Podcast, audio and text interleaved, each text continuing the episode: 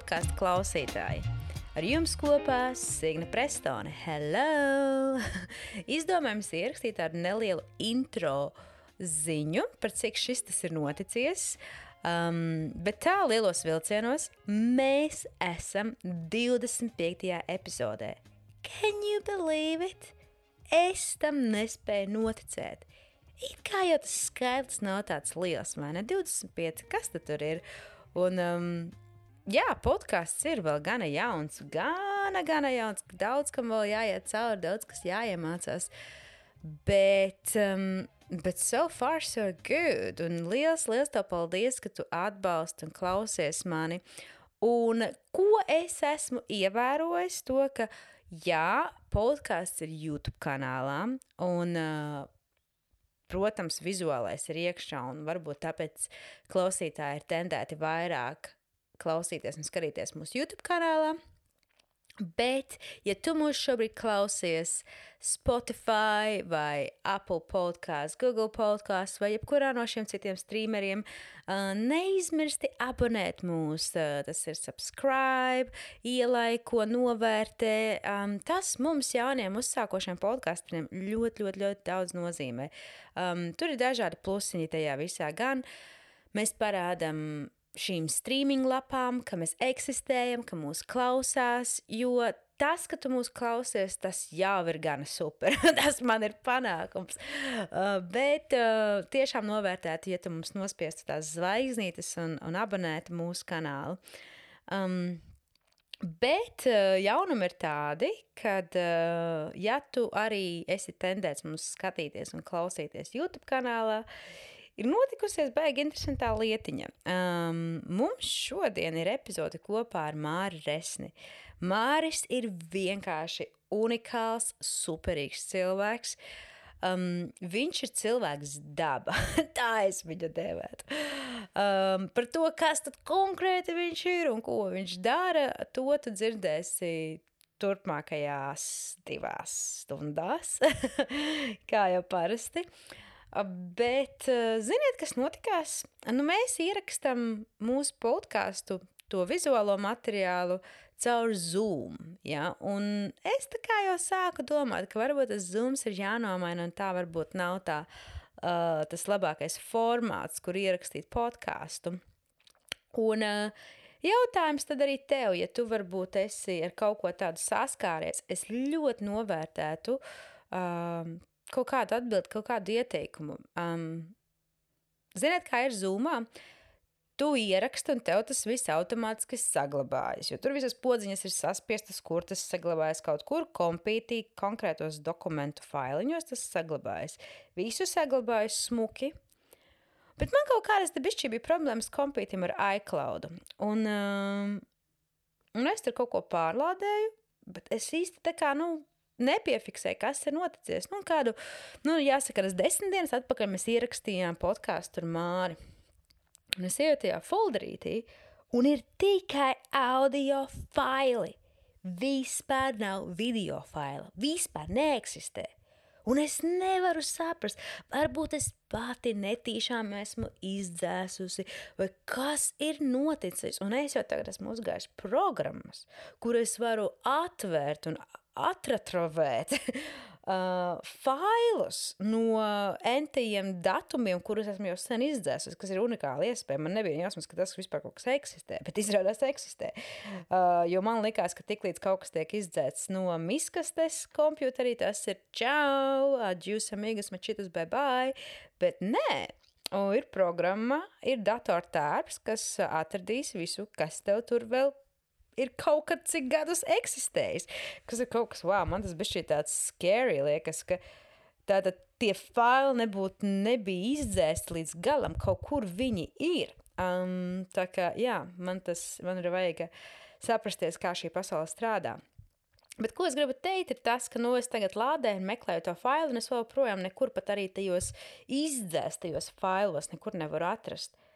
Kas ir noticis? Kādā sakarā? Zooms ir kaut kur apēdis manu video failu. Un, kad iet zūmā, tur viss boksiņi, visi saklikšķināti, ka viss tiks ierakstīts gan video, gan audio, bet video nu nav. Man gribās raudāt, jo Māris superīgs cilvēks, skaists, izskatīgs vīrietis. Nu, taču ir vērts arī publicēt viņu video formātā. Nē, viss ir apēsts un pazusts. Nu, neko, nu, klausīsimies balsī, bet uh, priekš YouTube es salieku tādu nelielu, nezinu, relaksējošu prezentāciju ar skaistām bildēm, ko es uzgāju Māra, uh, Māra profilos. Bet tā I'm so sorry, uh, video formāts ir apēsts. Un tā kā jā, tāda, lūk, ziņa no manas puses, bet lai tev brīnišķīgi klausīšanās, priekšā tev ir nenormālīgs ceļojums, mēs kāpsim kopā kalnos, izdzīvosim mežos, uzzināsim vairāk par cilvēku psiholoģiju, kas te notiekās, ka mēs notiek, nonākam dabā pēc uh, garām oficiālām stundām, uh, ko mēs varam novērot, kas notiekās, kā mēs varbūt varam viens otru vairāk novērtēt. Um, tā kā jā, ļoti daudz interesantu tematu. Arī aizskarām tādu tematu kā koku enerģijas. Hmm, interesanti, ne? Um, tā kā jā, nu ko, lecam iekšā, liels tev paldies uh, un bučās!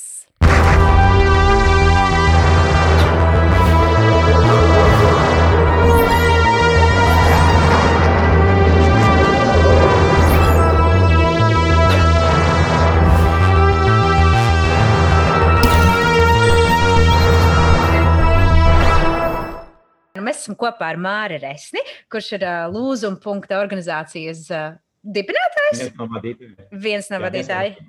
Aha. Mm. Un uh, vispār tā kā cilvēks, kā jau saku, daba, izglītība caur piedzīvojumiem, vadītājs. Kaut, kas, kaut kas vēl, ko es neesmu pieaugusi. Jā, nu vēl, vēl es saku, meža kočs un uh, instruktors arī. Nu, tā kā pēc. Kočs tas vairāk ir atbalstošā funkcija, un instruktors mm. tad jāvada tie cilvēki. Nu, tad es stingri vārdu, ja, ja coachings tad ir. Kā saka, jau kā pieejama jāigā, un dažreiz kā instruktoram tad ir. Tas ir stingrāk. Ejam, ejam šeit, jā, kāpēc? Ejam. Tiek uz galvas uzkritīs. Tāpēc, nu jā, tas tāds. Jā. Tas divas domas, bet jā, pa lielam, pa lielam es, nu, kā es saku, nu, galvenais cilvēks, jā, tas amats viņam nav pats. Uh, nu, svarīgi, lai saprastu, kas tu esi. Jā, bet, jā. Labs džeks un mieres. nu, tieši tā, es pilnībā piekrītu. bet tie piedzīvojumi, tev, man liekas, ir. Uh, vienmēr bijuši apkārt. Lai gan es nezinu, tāpēc es gribēju ar tevi parunāt un uzzināt to, vai tas piedzīvojuma gars un, un, un, un tas, ko tu šobrīd dari, vai tas vienmēr ir tev bijis iekšā un no kurienes varbūt tas nāk. Uh, Jā, tas ir, tas ir labs jautājums, par kuru es ik pa laikam padomāju, kāpēc es tāds radies. Vai, nu, ja skolā jau nemācās tādu prof, nu, tā profesiju, bet tādu, nu, ka tur universitātē uh, nu, ir Eiropa, ir outdoor education, ja, tas ir ārā dzīve, bet tas nav par piedzīvojumu. Tas vairāk kā būt droši sagatavot grupu, gan ekipējumu. Ja, tur. mm -hmm. Bet tas mans tas piedzīvojums gars, man liekas, vairāk ir tas, ka man, nu, es tā esmu izsacinājis, ka man ir paticis atklāt un uh, ieraudzīt vai piedzīvot precīzāk kaut ko jaunu. Nu, tādas divas lietas, kas man ir virzījušas, un tās man nu, tikai tagad, kad es vairāk tur nezinu, eju pa, pašapmācībās un visu kaut kā tādu, tikai es es atklāju, ka īstenībā visu to, kāpēc tas nonāca, tāpēc, man vienmēr ir interesējušas tās, tās nezināmās jaunās lietas. Piemēram, studiju gados es gāju uz kaut kādām studentu sapulcēm, man mazākā nojausma, nebija par ko ir raidījums vai nu, kas ir par cilvēkiem. Protams, man nu, tā, tas tas saucamais satraukums sākumā jau ir. Yeah. Bet, tad, nu, kā tu, kā tu vispār man neinteresē tās sapulces, vairāk no kā es pats uzvedīšos, vai kā es tikšu galā ar to nu, ne, neierasto situāciju, ka tu nevienu nepazīsti, no kur tu pirmais sāc runāt, ar kuru, nu, kā tur atklāji. Nu, jā, tad bija mm. baigi interesanti. Nu, ka man tieši tas uh, nezināmais vilinājums ir, un tad tas lēnām pārgāja nu, uz vairāk uz profesionāli. Jo, jo, kā es saku, tagad, uh, principā, nu, tas apmēram kā tagad, kad tu nezini, nu, piemēram, biznesā vai, vai arī nezinu, sabiedriskajā sektorā, nu, ko tagad darīt. Jo nav skaidrs atbildes, nav skaidri nosacījumi, ja nav skaidra nākotne, nu, kā tu spēj rīkoties nu, tajā ne, vestibulijā, neskaidrajā situācijā, kā tu īstenībā tiec galā ar sevi. Mm -hmm. nu, mhm. tas man patīk, nu, ka tu īstenībā pats paliec mierīgs, un tad tu nolēmi, ko tu darīsi, tic, sāc ticēt tam visam. Tad, nu, jā, jo nu, nav jau citu variantu. Tieši tā. nu, tā. Nu, jā, tad es kaut kā to prasmu uztērēju, un tad, uh, tas turpinājās. Uh, no tādā, uh, negribu teikt, hobija, bet tādu interesu un tādas uh, dzīves stila uz arī nu, uz to, uh, kā saka, profesionālo izvēli vai to, ko mm -hmm. es tagad daru. Nu, tas, tas arī savienojās tas, kad, jo es sapratu, ka es īstenībā pēc izglītības esmu galvenieks. Mm. Es kaut kādā otrajā, pirmajā kursā sapratu, ka es, man šausmīgi patīk strādāt ar koku un uh, dabūt rezultātu. Nu, kaut ko interesantu uztaisīt, jo tas ir baigi, man liekas, vērtīgi, ka tu vari kaut ko izdarīt pats. Bet tad es sapratu, ka es negribu strādāt pie standarta, ka nu, pie darbmašīnām sēdēt strādāt. Kaut gan nu, tas bija sens laiks, kad bija tās mašīnas, nebija sevišķi drošas un uh, klusas. Ja? Mm. Tagad var vispār, nu, vispār brīnišķīgas lietas uh, radīt nu, ar saviem jaunajām tehnoloģijām, ja? bet, bet es sapratu, ka nē, es to nedarīšu. Nu, es gribu kaut ko citu darīt. Nu, mm. Tad es uh, uh, pabeidzu universitātes dizainerus, un tad es tajā laikā jau lēnām sāku virzīties tajā cilvēku virzienā. Respektīvi, kā strādāt ar cilvēkiem, kā vadīt, uh, kā, nu, kas, kā, kas viņos ir iekšā un kā to visu izdarīt. Bet tas bija jau, nu, jau jauns tāds, bet tas pats, tas pats princips, kad es iesaistījos jauniešu organizācijās, kurās es nezinu, kas tas ir. Es no sākuma domāju, ka tā ir sekta. Man bija baigi interesanti. Nu, vai. Pamēģiniet man savērvēt, nu, pamēģiniet. Jā, jā, vai tas strādās uz maniem vai nestrādās? jā, jā, jā. Bet, jo, jo sektā tur ir veseli speciālisti, kas tev apstrādā, bet laimīgi tā bija jauniešu organizācija, kas nebija sekta. Un, un uh, bija labi nodomi. Un, uh, jā, un Kurā vietā tas viss notiek Rīgā vai citā kaut kādā pilsētā? Nē, tas notiek Rīgā. Jo, nu, tā ir dzimis saldu, bet jā, tas ah, okay. notiek Rīgā. Bet, bet tās jauniešu organizācijas ir tagad pa visu Latviju. Un, kā, nu, vajag atrast jauniešu centrus vai kaut kā, var, ja kādam interesē, ja, iesaistīties. Jo kas man patika tur, kad uh, galvenais uzdevums nav svarīgi, kāds tas um, nu, tā sāpe, ko viņi risina vai kuru pasauli glābi. Piemēram, tur dzīvniekus, zero waste, tur jauniešu brīvais laiks nav svarīgi. Viņi, tur tu vari apgūt ļoti ātri dzīves prasmes. Nu, piemēram, mm. tu gada laikā vari kļūt par projekta vadītāju vai e, kaut kādus, nezinu, nometnes vai aktivitātes vai projekta direktoru vai ne. Kaut gan tu esi jaunieks 15, 16, 17, 18 gadi, nu, tu, vai arī biznesā, piemēram, tu paveic skolu 21. gadā, tur pēc universitātes 23 gribi aiziet uz kādu uzņēmumu, ja tu neesi studējis baigi to vadību, tad tu nu, baigi vadītājs nebūs. Tu būsi kaut kādu lietu darījis, bet, ne, mm -hmm. bet tās organizācijas, kur tā ļoti ātri var izaugt, un tur galvenais nosacījums ir tava, tavas personiskās uh, prasmes un kā tu viņus spēj attīstīt. Mm -hmm. Es mhm. saku, cilvēki vai nu ir zvaigznes, nu, tie ir dabiski kā personības, vai viņi gribētu būt. Un tad viņi var sasniegt, jo tur tā, tas uzsvars ir tam dzīves prasmēm, kā tu runā ar cilvēkiem, kā tu vadi viņus, kā tu pats ar sevi tiec galā, kā tu organizē darbus. Tas ir tas princips, mācoties darot, kas, ko es esmu pārņēmis. Nu, mm. Forši parunāt, ja, forši nenormāli, forši iedvesmoties, paklausīties, kā citiem gājas, bet tas pirmais solis tev pašam jāsver. Nu, tev ir kaut kas jādara. Un tad ir tā, tas, ka tu mācies visvairāk, ka tu reāli kaut ko dari, kaut ko kaut ko nu, izdari, vai ne? Vai arī tieši mm. otrādi neizdari, ja, kas ir eh, jauniešiem raksturīgi kaut kas, vai nu, pieaugušiem arī kaut, nu, kaut ko neizdari. Nu, kā tu ar to Kļūdiņas. Jā, kā tu ar to tiec galā, var sakot. Un tas ir tāds, nu, tas fokus, kas man atvērās, nu, un tā cita pasaule, kad, jā, kad uh, ir pareizi mācīties tehniskos, nu, tos, uh, tehniskās lietas, uh, tur augstākā matemātika, fizika, visas šīs lietas. Bet, ja tu nemācies tās dzīves prasmes, ko it kā, nu, nu tā, ir tāds vēl tas, tas ir neformāls izglītība, vēl dzīves izglītība. Nu, ko tu no dzīves iemācies? Ja? Jā. Nu, ja tu nemācies tur līdzi, kā, kā piemēram, runāt ar cilvēkiem, kā risināt konfliktus, nu, tam līdzīgi, tad īstenībā tu diezgan daudz var zaudēt savā profesionālajā, ja tu nespēji sadarboties vai nespēji mm -hmm. Izvēlēties vai nu, vadīt savu dzīvi. Tas, tas, man liekas, ir tas. Nu, tas ir mīkstās prasmes vai tās neredzamās. Ja? Mm. Jo es arī nu, ka kādu ne, sākumā nepateicu, ka es īstenībā ļoti daudz strādāju ar komandas veidošanu, komandas, kā komandām. Mm -hmm. bet, uh, mēs viņus saucam par komandas veidošanu. Īstenībā es strādāju ar attiecībām. Protams. Kā, kā, kā, kā, kā, kā sieviete zina, kad uh, nu, dažreiz džekiem klibo attiecības, vai viņi nemāk. Es te, tas nav tas, tas tāds, es baigs stereotipiski to saku un šovinistisks, bet nu, es, es esmu nu, realitātē parādījis, ka džekiem, nu es pats esmu džeks, nu man tur kāds, nu kā tu jūties? Mm. Var kādu citu jautājumu, jo, nu, jā, protams, jautājumu, jā. tas, ir, tas, tas, tas ir par tām jūtām vai tām emocijām. Īstenībā tas ir kā cilvēki spēj komandā tās emocijas vadīt. Un kaut ko darīt ar viņiem. Nu, respektīvi, tāda emocija vadība vai attiecības. Mm -hmm. nu, tāds uh, process, ilglaicīgs un jautājums, kā viņi viņas pirmkārt viņi atpazīst, nosauc vārdā un tad ko viņi dara. Jo uh, tas ir baigi interesanti, kad uh, nu, liekas. Uh, nu, piemēram, kas nav baigi emocionāli, vai kā, ko, ko tu tur mūli par emocijām. Ja? Kaut, kā tas arī nevarētu runāt, tāpēc, ka diezgan nu, tāds neemocionāls būt, nu, vispār baigi tā neliekas. Jā, bet vismaz ir labi, ka tu mācies un zini par to. Tas jau man jā, liekas, ir. Jā, ja es saku, es redzu emocijas, es viņas nesaprotu, bet es redzu, ka emocijas nomainās. Mm. Līdz ar to es viņam ļoti bez emocionāla pieejas, nu, tāpēc viņas var vadīt, tāpēc, ka man nav tāds tik spēcīgi. Un īstenībā tie tās, piemēram, aviācijā ir. Uh, Es neatceros statistiku, bet apmēram 90% ir cilvēku kļūda, nevis tehniskā kļūda pie avārijām. Mm. Tas ir komandas darbs. Es nezinu, vai es pareizi nosaucu to skaidrs, bet tā ideja, ka nenormāli liels tas cipars ir tā cilvēciskā kļūda, tas pat daudzos uzņēmumos, komandās un citur, ka īstenībā cilvēciskā satiecības nenoregulēšana vai nesaprašanās, savstarpējā mm. nezinu, cīņa, kas ir lielos mm. uzņēmumos, vai tas, tas uh, izraisa to, ka peļņa ir mazāka vai pat eh, zaudējumu. Tāpēc, ka viens mm. projekta vadītājs nevar ar otru pastrādāt, vai mēs ar uh, IT uzņēmumiem, ar programmētājiem, ja, kad blakus sēž uh, programmētājs, kas programmē kaut ko līdzīgu, un viņi neapmainoties ar informācijām, nepadara savu darbu divreiz efektīvāk. Nu, ļoti vienkārši, ja, jo mm -hmm. cilvēki vienkārši nerunā.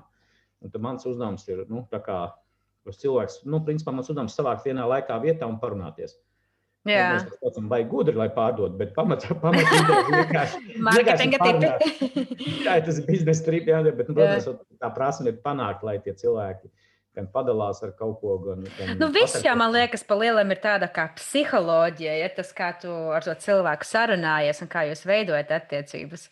Jā, jo paskatās, ka gribēju vienkārši klausos tevi, man tāds, jā, tik tiešām tā ir, ka tās, kas saka, tās praktiskās lietas, vismaz tāda lieta kā attiecības, izdzīvošana, saprāšana, uztaisīt kaut ko ar savām rokām ir tik svarīgas, jo paskatieties, kas notika šobrīd. Nu, tagad jau tā situācija ir uzlabojusies, bet ar visu covid sērgu. Ja? Pirmie trīs mēneši cilvēki sajūta prātā. Visi skrēja uz veikaliem, izpirka veikalus, toltas papīrus, izpirka olas, izpirka vai ko viņi tur izpirka. Ja? Un vienkārši tas parāda, kur ir sabiedrība. Viņi nezina, kā izdzīvot tādā mirklī. Un tad tāds, hmm, ja tu varbūt esi nedaudz mierā ar sevi, tad varbūt ar tevi viss ir kārtībā un tev nav tāda, nē, kāpēc kāpēc man tagad jāskrien pakaļ pēc kaut kādām olām un todas papīra. Es taču zinu, ko darīt šādā situācijā.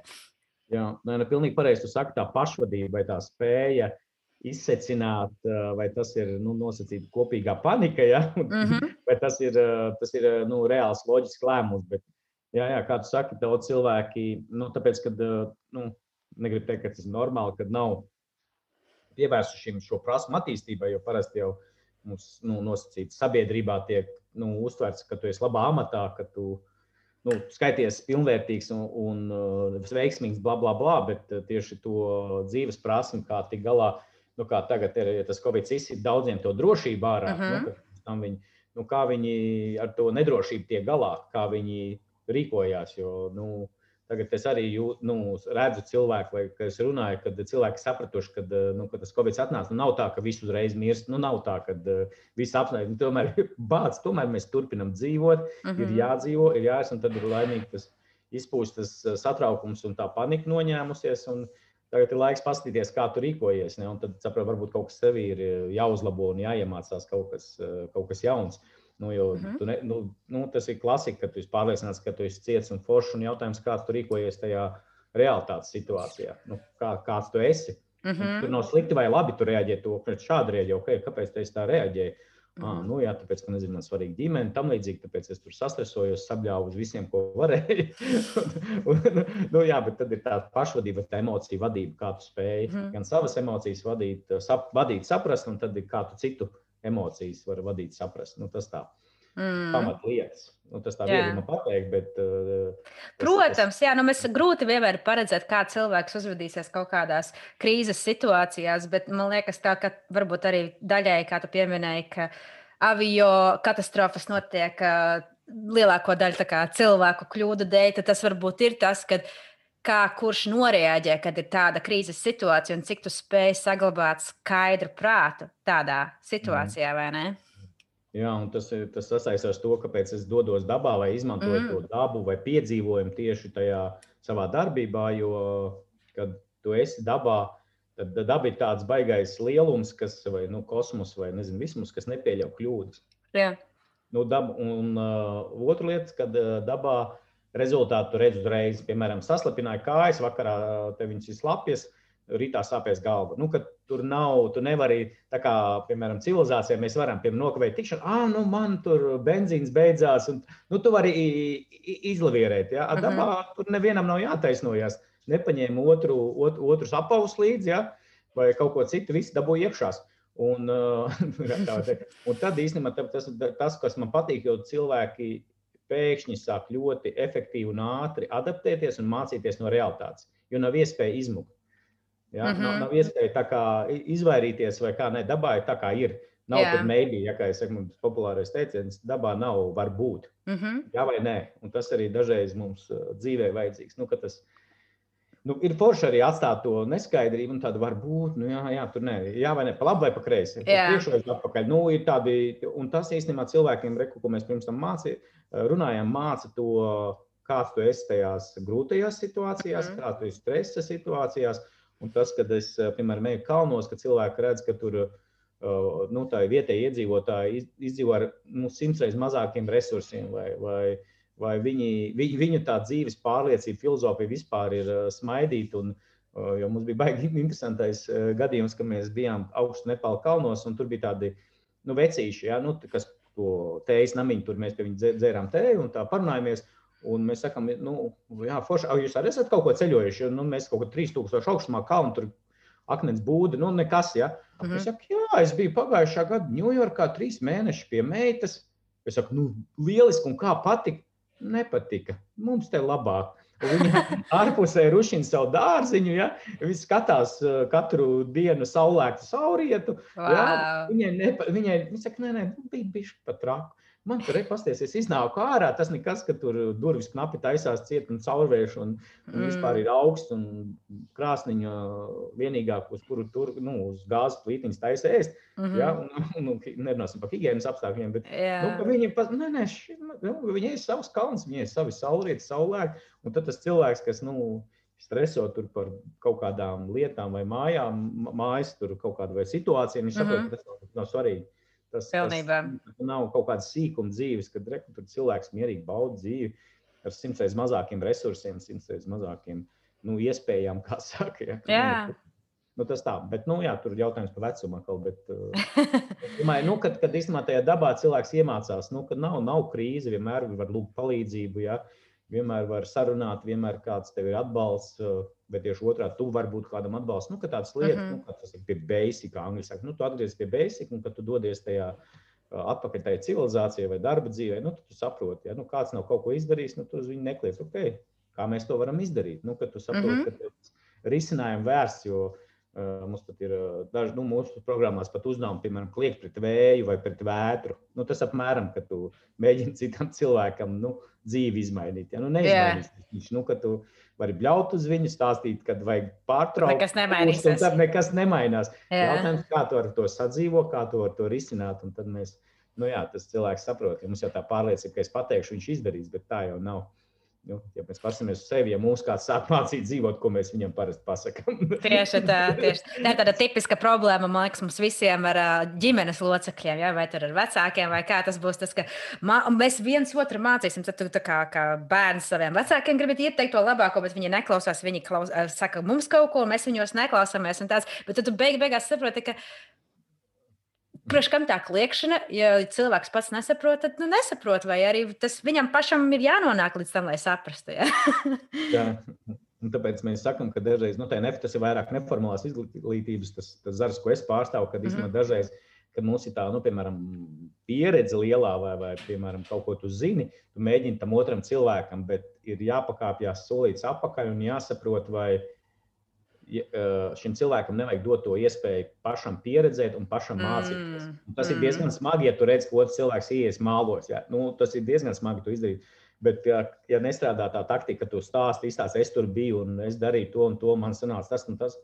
Es jau, nu, tas par klasisko, nu, es nepīpēju, bet, eh, bet, bet ir cilvēki, nu, kam vecāks pīpēja līdz 110 gadiem, un viņam nekas nenotika. Apmēram. Jā, jā, jā. Nu, on, tas pilnīgi, viņš dzīvo citā laikā, viņam nebija internets, un, un viņš šeit veselīgi pārtika. Nu, jā. Tas, bet tā, tā ideja, ka tu atļauj tam cilvēkam to pieredzēt, nenozot to mācību momentu. Nu, kad, mm -hmm. kad viņam ne, nenoņem.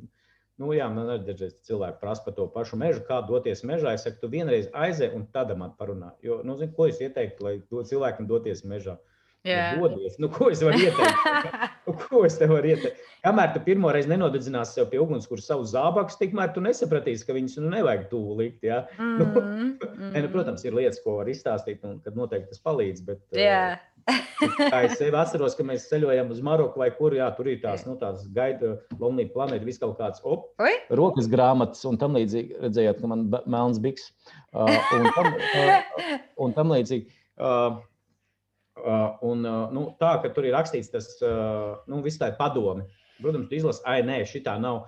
Nu, pēc kādiem gadiem tu saproti, pāris tie mm. džeki speciāli viņiem maksā, lai viņi tur dotos un, un to uzrakstītu. Ja? Un tad tikai, tad tikai tu lēnām sāki pieņemt, ka, Nu, jā. Nu, jā. Pašam jāiet un jāsaprot. Jā, jā, tā kā tas, tas, tas tā par to. Nu, ka tu ne, nu, atļauj viņam, pie, vai atļauj viņam kļūdīties. Nu, jā, nu, jā, nu, jautājums ir, kas par kļūdu maksā, bet tas, tas ir cits. jā, bet es tā kā pa lielam noteikti piekritīšu, jo man liekas, ka jebkāda pat tā kļūdiņa labāk Labi, viens ir tas, ka jau tu varbūt redzi no malas, ka tas cilvēks trešo, ceturto reizi kļūdās. Un tev ir tāds, no, ok, nu varbūt man ir kaut kas te jāpasaka. Ja? Bet tā tās pirmās kļūdas visiem vajadzīgas. Tāpat kā bērns ir mācās staigāt, viņam ir jāiemācās krist vai ne un piezemēties. Tā arī pilnīgi, man liekas, ar visu pārējo dzīvē. Nu, jā, jā, tad, tad, tas īstenībā mūsu vajadzības, īstenībā, ka mēs gribam, lai viņš iet labāk, bet nu, jā, viņam ir mm. nu, jā, jāatļauj. jāatļauj. Jā. Tieši tā. Nu, jā, es gribēju arī te pajautāt vairāk par to, kā tad radās vispār šīs organizācijas un, mm. un uh, lūzuma punkts. Vai jūs esat kaut kāds grupējums ar uh, džekiem, kas to ir izdomājuši, vai nu, kā tas viss sākās? Jā, nu, ir grupējums ar džekiem un džekenēm. Jā, ok, skaidrs. Labi. Tātad abi genderi ir iekšā. jā, jā, ir genderi, esam politiski korekti. Jā, bet jā, bija, bija arī meitenes. Jā. Nu, tas sākās tā, ka mani nu, cīņu biedri, draugi un biedri, es nezinu, kā viņas, eh, nu, tad, tad jā, tie bija, jā, es nezinu, kā viņas nodefinē, jā, draugi, teiksim, mm -hmm. kur mēs bijām daudz lietas darījām kopā, un viņi izdomāja norgan, uz, izveidot savu organizāciju, un es biju kā trešais, kas atbalsta cilvēks, kas viņus atbalstīja, jo es kā es aizkadrā mēs runājām, kad es vairāk esmu tāds brīvi pieejamais treneris, lektors, instruktors, kurš dažādās vietās iesaistās, un, un līdz ar to mēs arī kā, sasaistījāmies kopā. Un tad īstenībā tā, tā mana versija ir vismaz kādas piecas versijas, stāstīšu savējo. Ja? Okay. nu, kādās, nu, jo katram, nu, kā jau katram cilvēkam, katram ir savs skatījums. Jā, jā jo, jo tā galvenā ideja bija tāda, ka mēs visi strādājām diezgan labos darbos ar normālu atalgojumu tam laikam. Mm -hmm. Un tad mums tā lieta, mums šausmīgi patika gan ceļot, gan darīt ne tikai ceļot, nu, tā kā turistiņā, bet vairāk tādā piedzīvojuma braucienos tur ar sērfiem Marokā, kliņšu kāpšanā, tur slēpēm, labzemē, nu tādi mm -hmm. piedzīvojumi tam līdzīgi. Un tam mums, kā saka, tā kā tev ir regulārs darbs, ja, es nezinu, vai, vai, vai cilvēki zina, ir tikai četras vai trīs nedēļas atvaļinājums, ja. Jā, es nezinu. Es, es arī nezinu. Es arī nezinu regulāru darbu. Bet man liekas, ka trīs vai divas. Nu, respektīvi, ir atvaļinājums, kurš ir vēl jāsaskaņo. Ja? Mm -hmm, mm -hmm. Tad, protams, radās šī erors, tāpēc, ka piedzīvojumi jau notiek visu cauru gadu, ne jau četras nedēļas tikai gadā. Tieši tā. Un, cil, un, cilvēki, un mēs sapratām, ka mums, nu, cik tu ņemsi bezalgas atvaļinājums vai tāvos, ka tu esi slims. Ja? nu, cik tu vari? Un tad mm -hmm. uh, vienā brīdī tas vajag būt jāapsver, nu, kaut kā dabiski sanāca, ka mēs sākām paralēli strādāt. Un mūsu ideja īstenībā sākumā bija uh, pelnīt ar šiem piedzīvojumu braucieniem nu, naudu. Mm -hmm. Tā kā biznesa, jā, un tajā pašā laikā sapelnīt to naudu, pēc tam ceļot vēl vairāk. Nu, nu, tas, tas, nu, kā kāpiens pa piramīdiņu. jā, jā, jā, ka principā, ja godīgi, mēs negribējām strādāt. Jā, nu, tā pa godīgi. Skaidrs. Mēs, negrib... Bet tas ir tikai normāli. Kurš cilvēks negrib strādāt, bet grib darīt to, ko viņš grib darīt? jā, jā, bet tad kaut kā sanāca tā, tā kā mēs, kā es pirms tam minēju, mēs visi strādājam tajā cilvēku sfērā, kur ir tas teambuildings un visādas piedzīvuma braucieni, ka vairāk mums, es nezinu, kāpēc tie pirmie uzņēmumi noticēja, viņi pasūtīja mums šīs programmas, piedzīvuma programmas saviem darbiniekiem. Mm -hmm. Un tad mums tas piedzīvojuma brauciens vairāk palika kā hobijs. Un tas uh, uz vietas, tur viesunamos, uh, spo, mēs sporta spēles, ne mēs piedzīvojam spēles taisījām vai piedzīvojam maršrutus ar foršiem uzdevumiem, nu, tādiem jēgpilniem, jo mums bija svarīgi, lai tur nav uh, trālālā pasākums, mums bija tā, lai jēgpilni, nu, lai, lai, piemēram, ja tu tur, piemēram, uzņēmumā, kur ir tehniskie džeki, ja, un uh, foršās meitenes, jā, lai saliktu kopā vai kaut kādu jēgu. Nu, nevar viņiem dot kaut kādus viesnājus, bezsakarīgus uzdevumus, kuriem nav jēga. Un mēs mm. uzdevums iedot tādus, nu, ja viņi kaut ko meklē, tad, piemēram, viņi meklē pārtiku vai, vai, vai kartes daļas, nu, ka kaut kāda jēga tam ir. Yeah. Un mēs tā kā tās programmas gribējām, nu, mums pašiem gribējās, lai spēcīgs un ar kaut kādu pamatojumu, tad mēs arī viņus arī paši mēģinājām dabūt to kvalitāti diezgan augstu priekš sevis un mm -hmm. attiecīgi priekš mūsu uh, programmu dalībniekiem, kad uh, nu, uh, viņas arī tika izveidotas, un viņas šausmīgi patīk cilvēkiem, un viņus, nu, kā sāka pirkt mūs vairāk. Un, tad mēs pēc kaut kādiem nu, gadiem ejot, sapratām, ka ir māte, tāpēc ka mēs vairs to filozofiju, ka mēs vairs negribam strādāt, vairs nevaram turpināt. Jo nu, cilvēki mūs aicina, un vasarā mums galīgi ciet. Ja, un tam uz ziemu palika tikai nu, tādiem piedzīvojumu braucieniem priekš mm. sevis, uz kalniem snovot. Un, un tad mēs vairāk pārgājām uz to, ka uh, mēs tos piedzīvojumus braucienus taisām apmēram 50% zina, ko viņi dara, un 50% vispār pirmo reizi to dara. No nu, ideja, ka mēs nesam tādu filozofiju, ka cilvēki pirmo reizi grib pamēģināt tur freeriders, nav izbraukt vai, vai kalnos iziet kaut kādas takas, vai iziet pārgājienos, vai ar slēpēm. Nu, respektīvi, mēs viņiem pievērsām īpašu uzmanību, lai iemācītu. Jo, nu, ja tu pasties, nu, nav tā droši vien daudz draugu, nu, man ir, bet nu, normāliem cilvēkiem nav, kas tur iet pa mežos vai nu, kaut mm -hmm. ko ar mhm. laivām dara. Nu, nav tā, vai ne? Ka līdz ar Protams. to viņam svarīgi. Uh, ne, negribu teikt, mentori, bet vismaz instruktori, kurš ne tikai tehniski iemācīs, ja, jo mūsu tās spēks ir tas darbs cilvēkiem, bet arī nu, paskaidros, jo tur mēs atgriežamies atpakaļ, ka tās emocijas, nu, tajā stresa situācijā ir lielas un mm. nevar cilvēkam iemācīt, ja viņš ir nu, nosacīts stresā. Nu, Jā. no jēgas viņam neko stāstīt. Tad ir otrādi, ko daudz instruktori, piemēram, tehniski, kas ļoti ir spēcīgi instruktori un labākie. Viņi atkal baigi spiež uz to, nu, kā tu nevari sasiet to mezglu, vai kā tu nevari to airi noturēt, vai tur karbīni ielikt. Nē, viņam tas stress vai tā, tā situācija tik, tik liela, ka viņš nezina. Nu, un tad ir tas uzdevums, tas cilvēciski nomierināt. Nu, un visas tās, tās prasmes, mm -hmm. lai viņi, nu, tā, un tad līdz ar to mēs sapratām, ka tas ir mūsu spēks, un mēs arī nu, uzsverām to kā misiju, ka mēs tiem cilvēkiem kaut ko jaunu gribam parādīt un pie reizes arī iemācīt, lai viņi mm -hmm. drošāk to dara. Un tas, man liekas, ir tas, ka, kāpēc nu, piemēram, mums grib iet, tāpēc, ka viņi zina, ka viens neteiks, nu, kas durīgs tāds - nemāķis nu, mēs zinām, ka tu nevari. Tas pirmajās reizēs mēs zinām, ka tu kļūdīsies, mēs zinām, ka mums ir jāpievērš uzmanība tam. Mēs zinām, ka mēs nu, tev nebļausim virsū, nu, jo mm -hmm. nu, tas nepalīdz. Nu, tas ir tas, kad, jā, ka mēs aizgājām uz to, ka mums tā ir tā sadaļa, nu, tas bija pirms pandēmijas, ja bija, kad, nu, principā, pavasaris, puspavasaris, vasara un pusrudens bija nu, tā, ka mēs brīvdienas nav. Ja? Un tad mēs, kā saka, laižam, laižam dzīvē. nu, ziemā. jā, jā, ziemā laiž tur, es, piemēram, uz Nepālu, kāds tur uz Maroku, kāds uz Šrilanku. Nu, tā, kad, jā, jā, jā. Tādā, Mēs sapratām, ka, ja mēs arī ziemā tikpat smagi strādāsim, bet intensīvi, nu, mēs nošausimies beigās. Un, mm -hmm. un mēs, nu, principā, mēs braucam tur, kur vai nu mums ir interesanti, ka mēs esam divi veidi cilvēki. Ir viena cilvēka, kas brauc ar mums uz vietām, kuras mēs paši neesam bijuši. Mēs tā arī pasakām, tā ir ekspedīcija. Mm -hmm. Mēs zinām, ko mēs gribam tur darīt. Ja, ja mēs vienmēr kaut ko darām, mēs nu, vienkārši tāpat paskatīties, nebraucam. Mm -hmm. ja, tur ir kalni, vienmēr kaut kādas aktivitātes, pilna diena. Un uh, mēs viņus saucam par nometnītēm. Nu, tāds sporta nometnē. Mm nu, tāds, nu, tāpēc, ka, nu, kā tu esi desmit dienas, piemēram, Šrilankā, nu, ko tu tur, ne, nu, ir cilvēki, kas, kas paņem dienu off un, un pasauļojās, jā, yeah. apmācās, jā, bet, ne, ne, mūsu ne, ne, ne. Jums ir aktīvisti. jā, jā, tur pa upi jānobrauc ar aftu, tur jāujiek, kā breka, tur kaņonā jāiet, tur, kā, kā Jordānijā, kur mēs bijām, jā, nē, jā, yeah. vietējais ēdiens jānobauda, jāpaliek pie vietējiem beduīniem, nu, tāds, nu, pilns, Super, tādi, jā, tādi, tādi pilni. Un, bet, jā, un tas pirmais ir, tā, ka mēs zinām, mēs, sakam, mēs gribam to un to izdarīt, tur un tur būt, bet nezinām, kā būs. Un mm -hmm. tad ir cilvēki, kas speciāli brauc, nu, kur nav gatava programma. Nu, viņi e, zināms risks, jo parasti ir īstenībā diezgan spēcīgi biznesa vadītāji un vadītājs.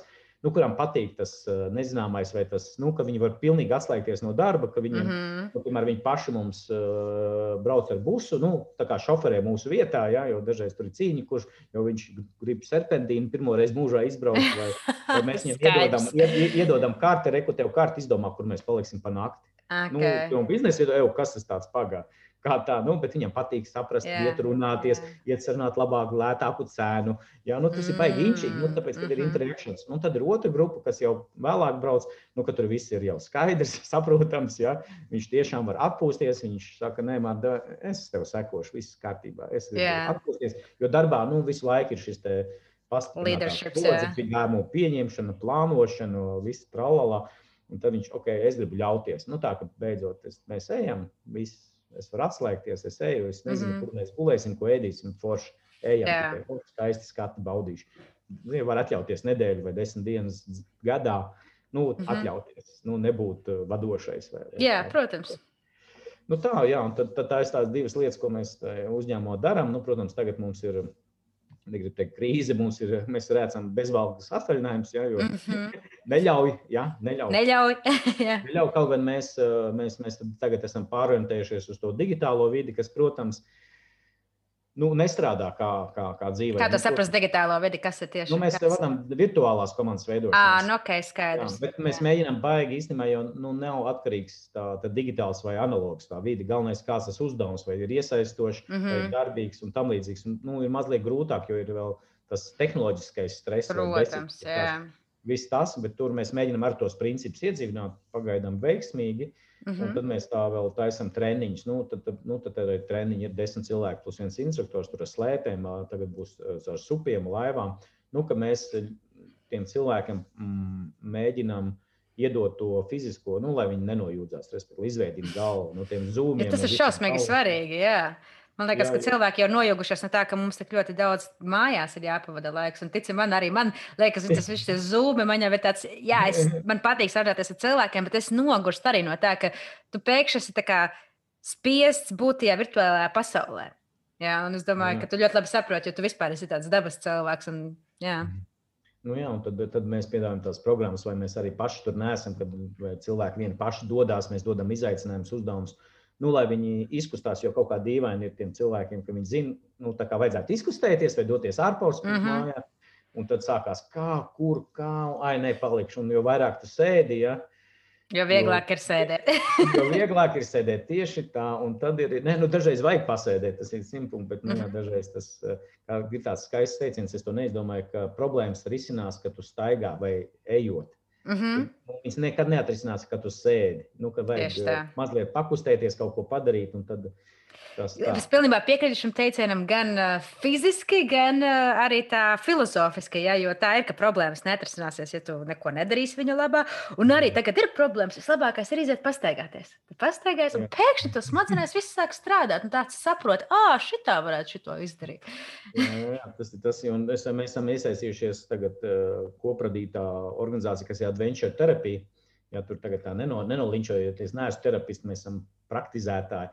Mm -hmm. nu, kad īstenībā pasaulē, nu, ko mēs esam arī bijuši darījuši, kad uh, daba ir kā terapija, nu, kā mm -hmm. veids, kā tu uh, normāli varam teikt, atjaunojies vai uh, uzlādējies. Ja? Mm -hmm. nu, tā, lai, lai saprastu, ka mēs neārstējam nevienu. Ja? Tad nav nekas ar ārstēšanu. Nu, kaut gan pakluso, jā, tā ir. Nu, tas ir ārstniecības efekts, tāpat kā Protams. zāļu homopātijai. Ja? Tur it kā mm -hmm. baigi nevar pierādīt, ka uh, nu, tās ir tiešām zāle, ne, bet viņai ir tas atjaunojošais, veselīgais efekts. Mēs mm -hmm.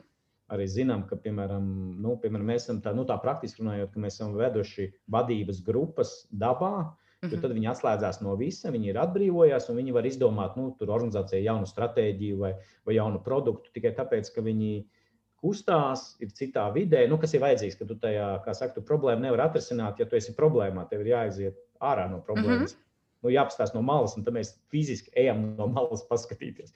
Jā. Tas, bet uh, cilvēciskajā līmenī, jā, kad, uh, kā saka, tā pastaiga apģērš, koku apģēršana, viņš ir tāds šamanisms. Tā īstenībā, kaut gan viņš ir tagad jau pierādīts, ka tā, angļu zinātnieki jau pierādījuši, ka to koku vajag apskaut. Tad, jo īstenībā, cilvēki, jā, jo īstenībā nu, noslēpums ir tajā, tur man, tu man teici, ko darīt, kad tu apmaldies īstenībā ar apģērbu koku apskaut. Jo izrādās, ka apskāviens rada tai asinsritē nomierinošo efektu. Nu, kāpēc mēs mm. es aizmirsu, kura viela izdalās? Nevis top, nav svarīgi. tur kaut kāda viela izdalās. Ja tu mm. cilvēku apskauj, nu, ka tev, kāpēc tev ir labsajūta, vai tu gribi apskaut tur suņus vai ko, tev mm. izdalās kaut kāda smadzenē viela, kas tev rada labsajūtu. Un tad ir tā, ka tu koku apskauj, tad nomierinās, tev prāts, asinsrites nomierinās, līdz ar to prāts nomierinās, un tu, tu vari atrast ceļu atpakaļ. Vai tu vari nomierināties vispār? Nu, tā ir tā, tā kā tāda, um, jā, ja tev nav personas, ko apķert, tad koku To arī var aptvert. jā, jā, jā maisaimniecības ietvers nav jāievēro šajā gadījumā. Tur, kur, ne, tur vēl, protams, vēl filozofija, kurš koks vai, vai lapu koks vai koks, kas noņem enerģiju, piemēram, pie eglis. Nu, tagad es nezinātniski runāju. Ja tā jā, jā, jā. Viska, nu, ja tā nav, nu, egli, viņi at, atņem enerģiju, kas ir kā baigi slikti. Bet īstenībā, ja tev sāp galva, ja tu pieliec pie to, vai, piemēram, dod ābeles vai lapu koki, nu, tur mm -hmm. jāskatās, kurš, bet labāk cēlkoki, nu, tādu ozolu liepas. Ah. Pīlāģi, ja, nu, tā, bet tur jāskatās, bet tur ir nu, tāds ieslēdzās džeks, kas neko nejūt, saka par jājūt. Ne? Kurš ir tavs koks vai kurš ir tā vieta? Ja? Nu, tā, nu, mazliet kaut kā tagad kosmos es runāju, bet īstenībā nu, tas ir. Es nu, pamēģināšu tagad tas pavasari sāks visi koki ziedēt, man tāds es iešu un apķeršu, es ķirsīšu sābolīšu, tad redzēs. nu, var, var, var jau tā, nu jā, tad ir, nu, tas, tas, tas tā idejas, ka tur jūt to plecu vai to, jo mēs jau, mm. nu, tā dabā. Nu, tur, tur pat var nebūt šamanisms, tur var teikt, nu, fizika, tur fizika, tu neironu apmaiņa, un tādas spoguļu neironu. Un, nu, tur rīktīgi, bet mm. varbūt to nevajag vienkārši viņiem ap, apķert koku un pa, pasties, strādā, nestrādā. ja, ja, uz kādu zaru vai pasēdi zem koka vai ne. Bet, yeah. bet, bet tas ir tas, ka mēs atjaunojamies, jo es, kā vienmēr saku, kā mēs ejam savienoties ar dabu, bet īstenībā mēs savienojamies ar sevi. Nu, kad mm -hmm. tu beidzot ej dabā, jo parasti tu dodies, uh, vai ej, vai sēdi, un īstenībā tev tie citi cilvēki ir, bet viņi tev, nu, tā kā tā pašā laikā nav. Līdz ar to tu sāc sarunāties sevi, un tur mēs varam aiziet pie tās tēmas par to, nu, ka mēs civilizācijā vai, vai, vai pilsētā vai ciemā esam nu, visu laiku kaut vai ģimenē, esam skaļumā. Mēs nu, nekad neesam klusumā ar sevi. Mm -hmm. Un īstenībā, kad mēs dodamies tur, pēkšņi ir klusuma brīdis. Mm -hmm. Mēs sākam runāt ar sevi, vai dzirdēt precīzāk. Mēs neko nerunājam, visu laiku mēs runājam ar sevi. Bet tajā brīdī tu kaut ko sāc dzirdēt un saprast, un tad tev, nu, tas tā daba jau dod to nominošu efektu. Tad arī viss pārējais norims, un tad tu vari skaidrāk kaut kādas lietas saprast. Vai, vai, vai, vai arī uzzināt par sevi. Jā, mm, cik interesanti. Tas ir tāds, par ko es laikam biju nedaudz piemirsis. Tā domāju, ka tiešām tāda ir, kad, tad, kad mēs ejam dabā, tad uh, tā ir tāda sava veida sarunāšanās ar sevi. Jo tikai šādi prāts ieslēdzas tādā citā, nedaudz tā meditācijas uh, formā, vai ne? Tu nedaudz meditē un aizpeldi kaut kur, bet tu esi ar sevi un tu domā ar sevi. Jā, tas, tas tā man liekas tiešām ļoti relaksējoši. Jā, jo izrādās, ka ir staigājoši. Es biju, kad es biju pats Šrilankā, izrādās viens templis, budistu, kur ir, ir speciāla aile. Tā ir templī, kur cilvēki, nu, tie mūki staigā. Un tad man saslēdzās, ka nu, Latvijas apstākļos jau mums ir nu, vienkārši ziema un augsts laiks mm. pamatā. Mums tā sēdēšana un meditēšana nu, nevienmēr nostrādā. Tāpēc mēs esam nu, tā, pēc tam gēniem vai, vai tā genofona, mēs esam pieraduši kaut ko darīt, darba meditāciju. Mm, darba. Mm -hmm. Līdz ar to mums vajag to kustību, lai mēs iegūtu to meditācijas stāvokli. Protams, var arī meditēt sēžot, nu tā, kas ir. Mm -hmm. tas, Jo, jo, jo es parasti tādās aizmiegu uzreiz. man tas nestrādā. Es zinu, ka mierīgi, jā. jā, es zinu, kam strādā, bet man, nu, es. Uh... Es kaut kā par to nemaz nebrīnos, ka tev tas ir savādāk, ka tev vajag to kustību un dabu. Jā, un, un tad tajā kustībā arī cilvēks sevišķi, nu, arī es esmu novērojis biznesā, kas ir dzīvē aktīvi un tam līdzīgi, jo viņam vajag to mieru iegūt. Bet tu nevari sev vai, vai citiem pateikt, sēdi mierīgs. Nu, ne, viņi, viņi, nu, tas viņu personība nu, vai tas iekšējais kods ir nu, kustībā. Mm -hmm. Tad mhm. mēs ar viņiem, nu, piemēram, mēs tādiem cilvēkiem strādājam, ka mēs nu, rīktīgi viņus nodzenam, viņi ir rīktīgi nogurst, un tad viņi sēž pie ugunskura, un tad viņi ir gatavi būt mierīgi, meditēt, runāt.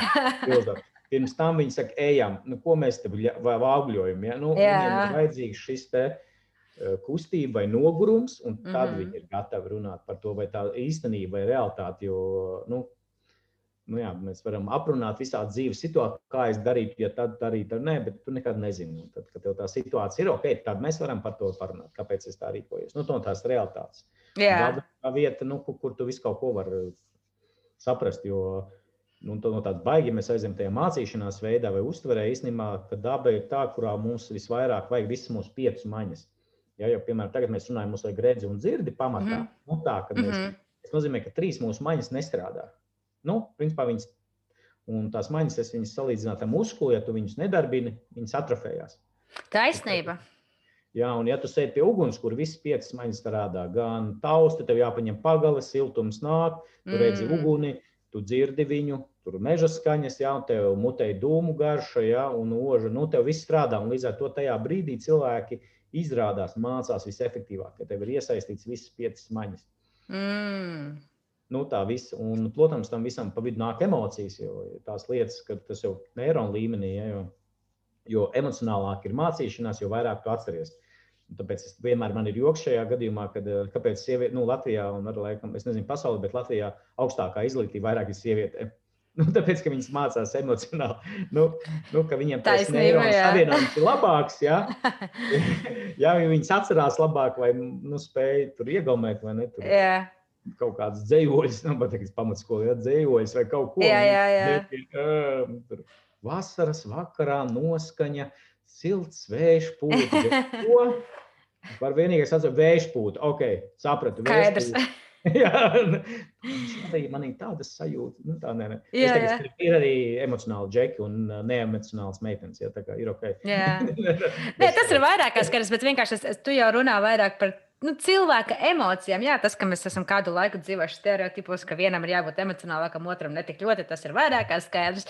Un pēdas vēl projām ir redzamas, bet tā mhm. kā.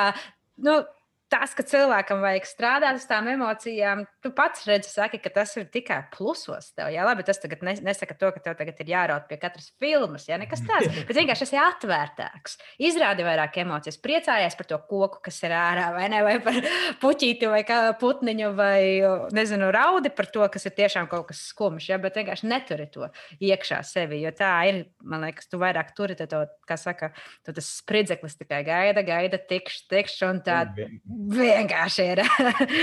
Vienā brīdī tu uzsprāgst, un tad jau mm -hmm. es domāju, ka Buda teica, vai kurš, kad uh, nu, tas vairāk par džekiem, cik es varu vairāk yeah. par džekiem. Kad īstenībā tavās plai, ir labi, ka dažreiz tu saplīsi, jo tavās plaisās uh, ienāk gaisma. Nu, kad tu kraks. Mm -hmm. Anglis, Jā, anglis, tā ir. Nu, kad tu vari ieraudzīt kaut kādu gaismu sevī, kas nāk no tevis, vai tieši otrādi, kas nāk, jo kamēr tu esi nocietinājies vai mm, ciets, kāds, kā teici, nu, pagātnes nāk tā audzināšana, ka džekiem jābūt cietiem. Nu, jābūt mm -hmm. viņiem, nevajag būt mīkstiem, bet mm -hmm. nu, nav tā, ka tu esi, nu, galīgi ciets, ja leduskapis. Jā, Nē, tieši tā, es pilnībā piekrītu.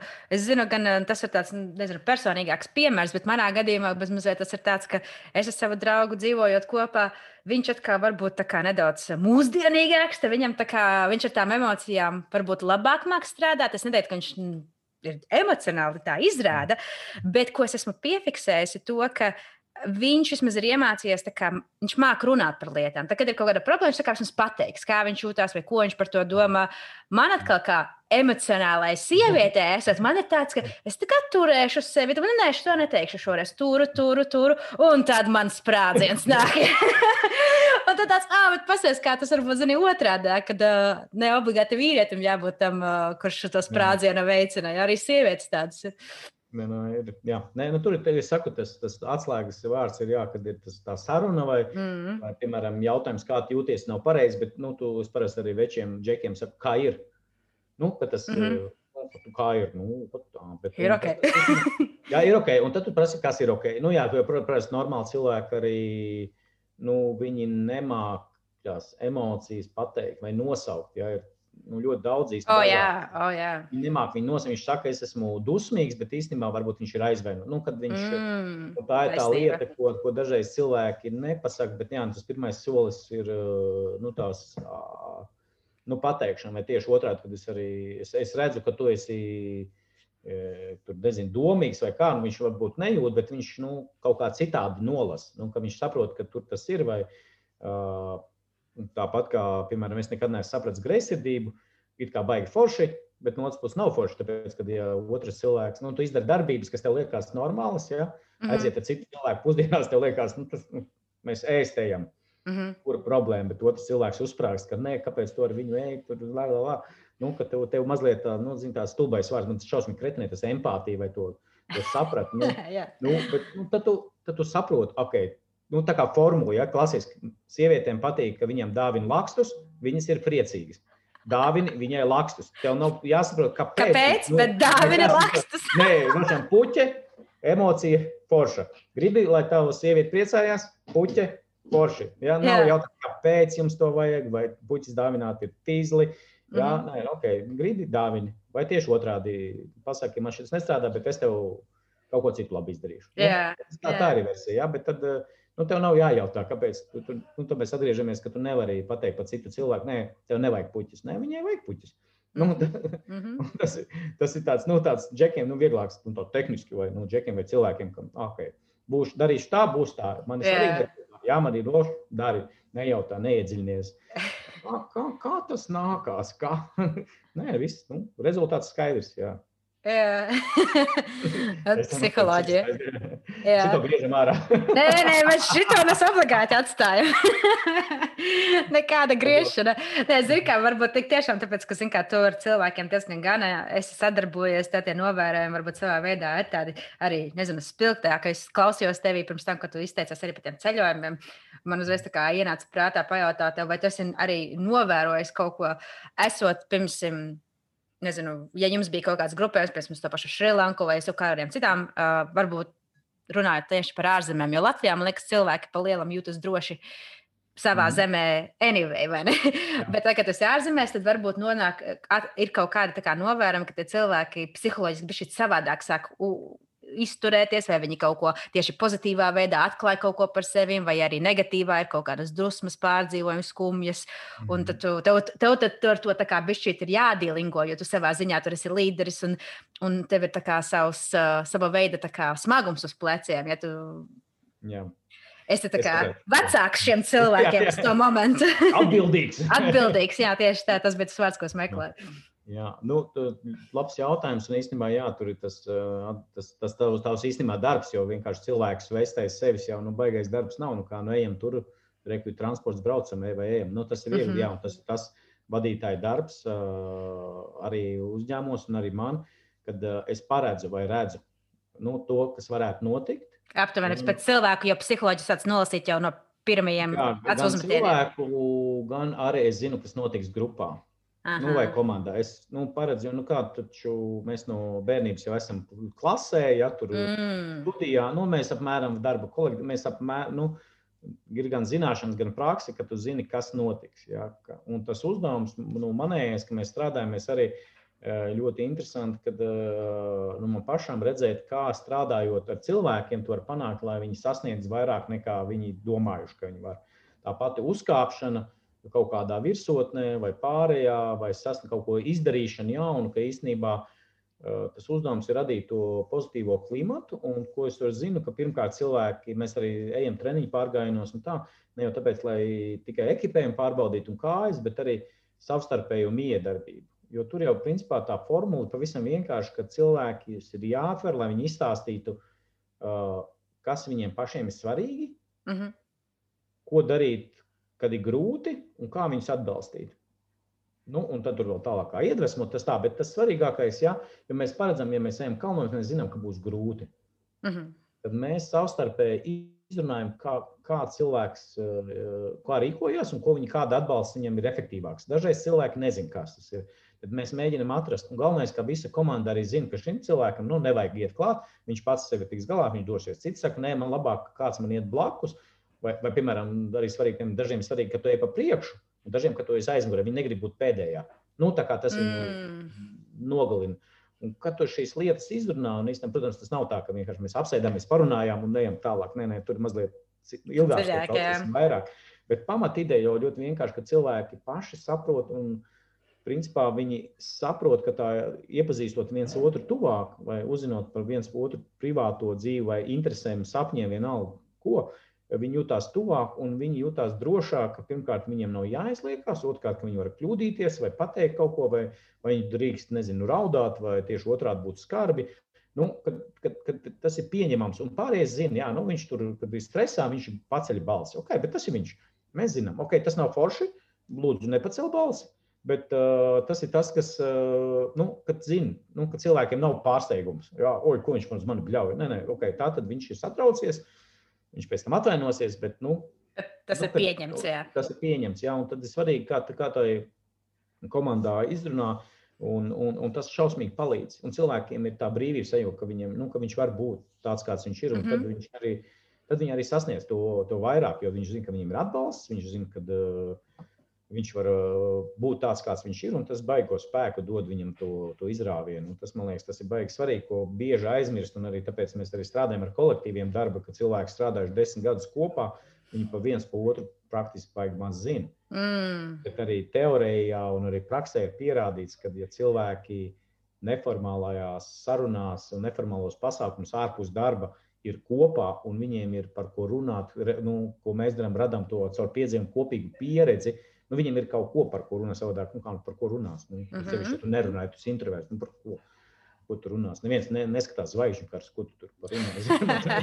Viss māja aplīmēta zvaigžņu kara yeah. simboliem un to mēs esam tur iekšā. Ja? Bet, ja tev nav šīs āķīšas, ar ko parunāties, nu, ko tu aizies darbā, virtuvē, sēdi, kafiju, no, par ko kā iet labi. Mm -hmm. nu, ko tu vairāk suns tev bija? Jā, nu, kā sunim iet? Nu, jā, jā. nu, tu vairs neko, bet tā atceries, ka mēs toreiz, un ir šīs neformālās sarunas, kas baigi stiprina attiecības, un tad arī tajās formālajā vidē, tu zini, kā cilvēks uzvedās, tad cilvēks nu, iepazīst tajā uh, uzvedības līmenī ļoti labi, ka tu nu, viņu neapvainojies, vai ne? Viņš tur tā nevienu nerunā. Nē, viņš tāds ir. Ja? Viņam no sākuma vajag padomāt, un tad viņš nāks ar risinājumu. Nevis, kāpēc tu neiesaisties komandas darbā? Ja mēs te visi runājam, tad ļoti aktīvi, skaļi, tam līdzīgi, ka tu aizēji vispār skatīties pa logu. Viņš ir cilvēks, kam vajag no sākuma saprast, apdomāt, un tad viņš tikai nāk ar risinājumu.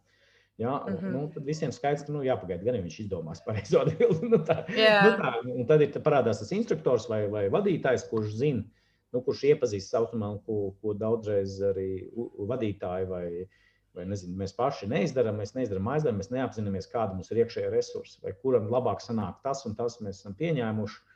Nu, tāpēc, ka darbs tāds vai tas, un mēs, mēs mēģinām, un tad, tad tā ir tā drosme, vai tā, ko mēs runājam, tā iespēja, ka tu dod viņam iespēju arī to pamēģināt, vai izdarīt to, to savu labo lietu, kas viņam sanāk, viņu arī nu, viņam ļaut to darīt. Mm -hmm. vai, nu, tā, un, un atņemt cilvēkam, kam kaut kādas lietas besī, nu, nu, nu ņemam no to darbu. Ja, un, Ne, nu ir jau dažreiz, nu, ka ir jāizdara darbs. Nav tā, ka tagad vajadzētu, ai, man nepatīk to, vai es to nedarīšu. Bet eh, nu, mēs zinām, ka cilvēki, kas, kam, kam patīk to darīt, vai vismaz nav pretī, viņi izdara efektīvāk nekā, ja ir pretestība dabiski cilvēkam. Nu, viņš atliks tos darbus un dos, un tad ir šo te, lietu sakumbinēšanu vai redzēšanu, kādam ir, ir jāvada. Jo cilvēki dabiski, nu, reti notiek tā, ka dabiski tur ieņem to pozīciju. Mm -hmm. Jā, bet, mhm. uh, nu, darbā, es domāju, jā. tur automātiski cilvēki labā zina, ka viņi iedēv uz policiju.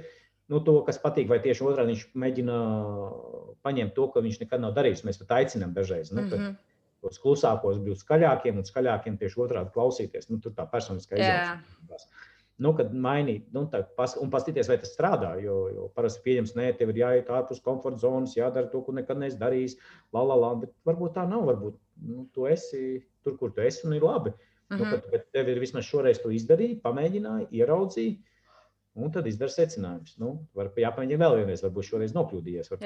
Bet tas ir tas, ko, ko, ko, ko mēs. Nu, kā... Jā, dot cilvēkiem iespēju izvēlēties un izaugt. Jā. Jā. Nu, cik tas iespēja, cik tas iespēja jo tad, tad nu, izrādās, ka saku, mēs diezgan daudz uzņēmumos redzam, ka ir cilvēkiem dažādas prasmes, kuras viņi var parādīt, piemēram, tajos piedzīvojumos vai tajās lietās, ka mm -hmm. nu, citi atklāja, ka, oh, Bet tu arī vispār runā. nu, ka, piemēram, ka tieši tā, tieši kādā, tā, jā. kaut kādā vietā, vai tieši otrādi, ka, piemēram, tas skarbais, eh, ļaunais vadītājs pie ugunskuras sēžot, atklājās, ka viņam, nezinu, dzīvē grūti gājis. Tāpēc, mm -hmm. Bet patiesībā no bērni... viņam patīk klausīties, nezinu, tur Bridžita Džonsa vai kaut ko tādu. jā, jā, un tad viņš ir tāds pūkains un jauks. īstenībā ir jauks, bet viņš nu, ļoti streso par visu, par drošību, mm -hmm. par uzņēmumu attīstību. Mm -hmm. nu, viņam ir jābūt skarbam. Yeah cilvēki ieraudzīja to cilvēcisko pusi un saprot, nu, jā, ka, mm, jā, tad sāk noteikti arī respektēt, vai ne? Tad, jā, jā, jā, nu, tad, jā. tad nu, kas tā īsti saprat. Nu, tā, un priekš manis tā ir tā empātija, ka tu saproti otru, ka ok, nu, nu, tā ir ok. Varbūt. Es jau gribētu, lai viņš ir jaukāks, bet uh, nu, tāds viņš ir. Jā. Nu, tas nenozīmē, ka nevar mainīties vai nevajadzētu pie, pieskaņoties. Jā, mm -hmm. Varbūt, jā, bet tas, tas ir tas tāds. Mm -hmm. Jā. Ja tas man liekas, ir uh, rīktīgi superīgi. Un, uh, es, es, es vienkārši es nezinu, vai Latvijā daudz ar to šobrīd jau nodarbojas. Tu droši vien zini labāk, bet es, es pieņemu, ka varbūt jūs vieni savu laiku bijāt varbūt vieni no retajiem, varbūt pat vieni no pirmajiem, kas kaut ko tādu vispār uzsāka. Ka tieši ar darba kolektīviem kopīgas tādas aktivitātes, ceļošana, braucieni. Jo tā ir tāda taisnība, ka tik tiešām, kad tu esi kaut kādā darba kolektīvā, tā ir pilnīgi maza, maza daļiņa, ko tu vispār no tā cilvēka uzzini. Ja? Viņš ir tur, tur ir viņš savā kaut kādā darba maskā. Un ne visi cilvēki ir iemācījušies, ir bijuši nezinu, tik komfortabli, lai runātu darba kolektīvā, un ne tik daudz stereotipu, vai ne tur varbūt kaut kāds vecāks onkulīts, kas tur strādā. Varbūt ar viņu neviens nerunā, bet patiesībā viņš ir baigi foršais cilvēks. Ja? Vai kā kaut kāda, nezinu, jauna meitene tik, tik, tikko kolektīvā piereģi, pie, pie, pieregistrēsies, ne, bet sākusi strādāt, un tad uh, tur ir kaut kāds. Es vienkārši iedomājos, jo pat esmu daudz mm. dažādas darbas dzīvē darījusi un dažādos kolektīvos bijusi. Bet tas novērojums noteikti ir tāds, ka tad, kad tu strādā darbā, tad ir tādi, ok, to jau izveidojas kaut kādi stereotipi tiem cilvēkiem, varbūt no kāda nedaudz baidies, no kāda tu rausties, no kāda tu vairāk draudzies, un tad notiek darba ballīte. Un tad pēkšņi atklājās viss. Nu, un, protams, arī alkohols daudz ko nospēlē, bet tad atklājās ļoti daudz kas. Tāds pēkšņi tu nākamajā dienā aizies darbu, un tad jūs esat tādi draugi, un jūs runājat, vai cik bija forši būt kopā, un tā un šitā. Tad es pieņemu, ka šādās nometnēs tur vispār vēl dziļāk daudz kas atverās, un brīnumus var saskatīt cilvēkos. Nu, jā, tad nu, pareizi pateicis, ka ir tā, tā atvēršanās un īstenībā uh, tas balstās, lai cik arī, nu, piemēram, būtu uh, skarbs uzņēmums, skarbs uzņēmums, bet tāds formāls uzņēmums, kurā viss tur, piemēram, jāievēro tam līdzīgi, uh, atgriežas pie teiciena, cilvēkam vajag cilvēkus. Un, ja mēs mhm. pieņemam, ka uh, darbā mēs pavadām vismaz 50, 70% savas dzīves, nu tā, ja tu paņem pēc laika, kam ir normāla darba, tad kāpēc nepadarīt 50% savu dzīves foršu? Patīkami, jā. Neveidot labas attiecības forši. Jo vienmēr jau tas, tev, tas jau no skolas laikiem, man liekas, klasēm ir foršie džeki, foršās bēbes, un tad ir uh, lohi un, un nūģi, zubri. Nūģi, jā, tādā garā. jā, un tas dabiski veidojas arī visās komandās, kad ir tie tam līdzīgi, bet tas uzdevums īstenībā ir runāties ar visiem, saprast, kā mēs varam sadzīvot un būt forši kopā ar cilvēkam. Baigi nepatīk, kad lien viņa dzīvē vai ģimenes, bet tieši otrādi citiem ir, nu, ir tāpēc, ka tie dažādi cilvēki, dažiem cilvēkiem, lai sadarboties, uh, viņam jāuzzina par tevi kaut kādas konkrētas lietas. Nu, es jau parasti mēs, mēs smējamies, jo tu esi kaķis cilvēks vai suņu cilvēks. Nu, tāds, mm. Man tas pilnīgi, vai kas tu esi pēc skolas, man pilnīgi tas pilnīgi vienalga. Jā. Kad ir cilvēkiem, kad tas palīdz sadarboties ar tevi, ja viņš zina. Nu, nosacīt kaut kādus faktus vai lietas mm -hmm. par tevi. Nu, protams, ka to var uzzināt vai nu balītē, ja, vai arī nu, tādās pasākumos. Jo Nu, kāpēc mēs dodamies mežā? Mums ir programma ar jautājumiem, struktūrizētiem coaching, nu, tur ir viss plānots, bet mēs atstājam vietu tai brīvajai telpai, kur var runāt tiešām par tiem jautājumiem, kas viņus interesē. Tiešām par tām lietām, kas viņus satrauc. Un mēs nekad to nezinām. Mēs nevaram uzminēt, ja, kad nu, jums būtu svarīgi parunāt nezinu, par sportu vai par, par, nezinu, par kosmosa zinātnē. Pēdējā laikā es pamanīju, ka cilvēkiem šausmīgi viņi seko kosmosa programmām, NASA tur un kādus. Nu, es domāju, Ko tieši jūs nekad, ne, nekad tur nelidosiet? Jūs, ko jūs tur, bet jā, viņiem ļoti interesanti, ka tur atķers vai paziņo, ka viņi ļoti interesēs par lidmašīnām. Jā. Man nu, kā lidmašīna divas pār divi motoru brauc, jā. Tur ir atšķirības, jā, un tad ir speciāls kustības, kas, kas eh, nu, grib nofotografēt jaunās lidmašīnas, tikko viņas ierodās. Nu, tur ir vesela kustība, vai, piemēram, mm -hmm. saules aptumsuma vai mēnesis aptumsuma meklētāji. Viņi dodas uz valstīm pāri pasaulē, lai tikai redzētu vienu mēnesi aptumsumu. Un tur ir vesela komūna. Esmu nu, dzirdējis par to. Man tas liekas vienkārši prātam neatverami, bet es pavisam nesen lasīju vienu no Tonija Robinsa, Tonija Robinsa grāmatām, un viņš teica, ka viņš brauca laikam speciāli uz Havajas salām, lai skatītos uh, mēnesi aptumsumu. Un tad tur esot bijis mm. cit, pilns ar citiem cilvēkiem, un es tā lasu, un tas ārpus tik tiešām tas eksistē. Cilvēki brauc, lai redzētu to. Bet...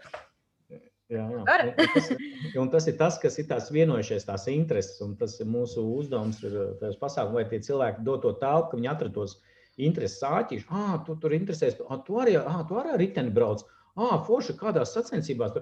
Un tad cilvēkiem par ko parunāt, jo mākslīgi radīt, nu, ka tagad uh, nu, tur runājot, tur tā, pa politiku izrunājam, tagad runājam par receptēm. Nu, kaut ko nu, nē, cilvēki. Jā, un tad ir arī nerunātīgie, vai, vai tie, tie nu, kurus parasti, kas, kas parasti izvairās no attiecībām, un tam līdzīgi, ka viņiem ir iespēja piemēram, sastapt tādus pašus, pie mums bijuši pasākumi, neteikšu, kurai nozarei varbūt var uzminēt, nu, ka cilvēki divas stundas sēž pie ugunsgrūda un nerunā. Man kā tādam aktīvam likās, ka kaut kas nav labi. Viņi. Slikta programma, slikts ēdiens, slikts konflikts komandā. Jā, nē. Viņiem forši. Un viņi saka, bija brīnišķīgais pasākums. Viņi pasēdēja klusumā, mm -hmm. bija kopā.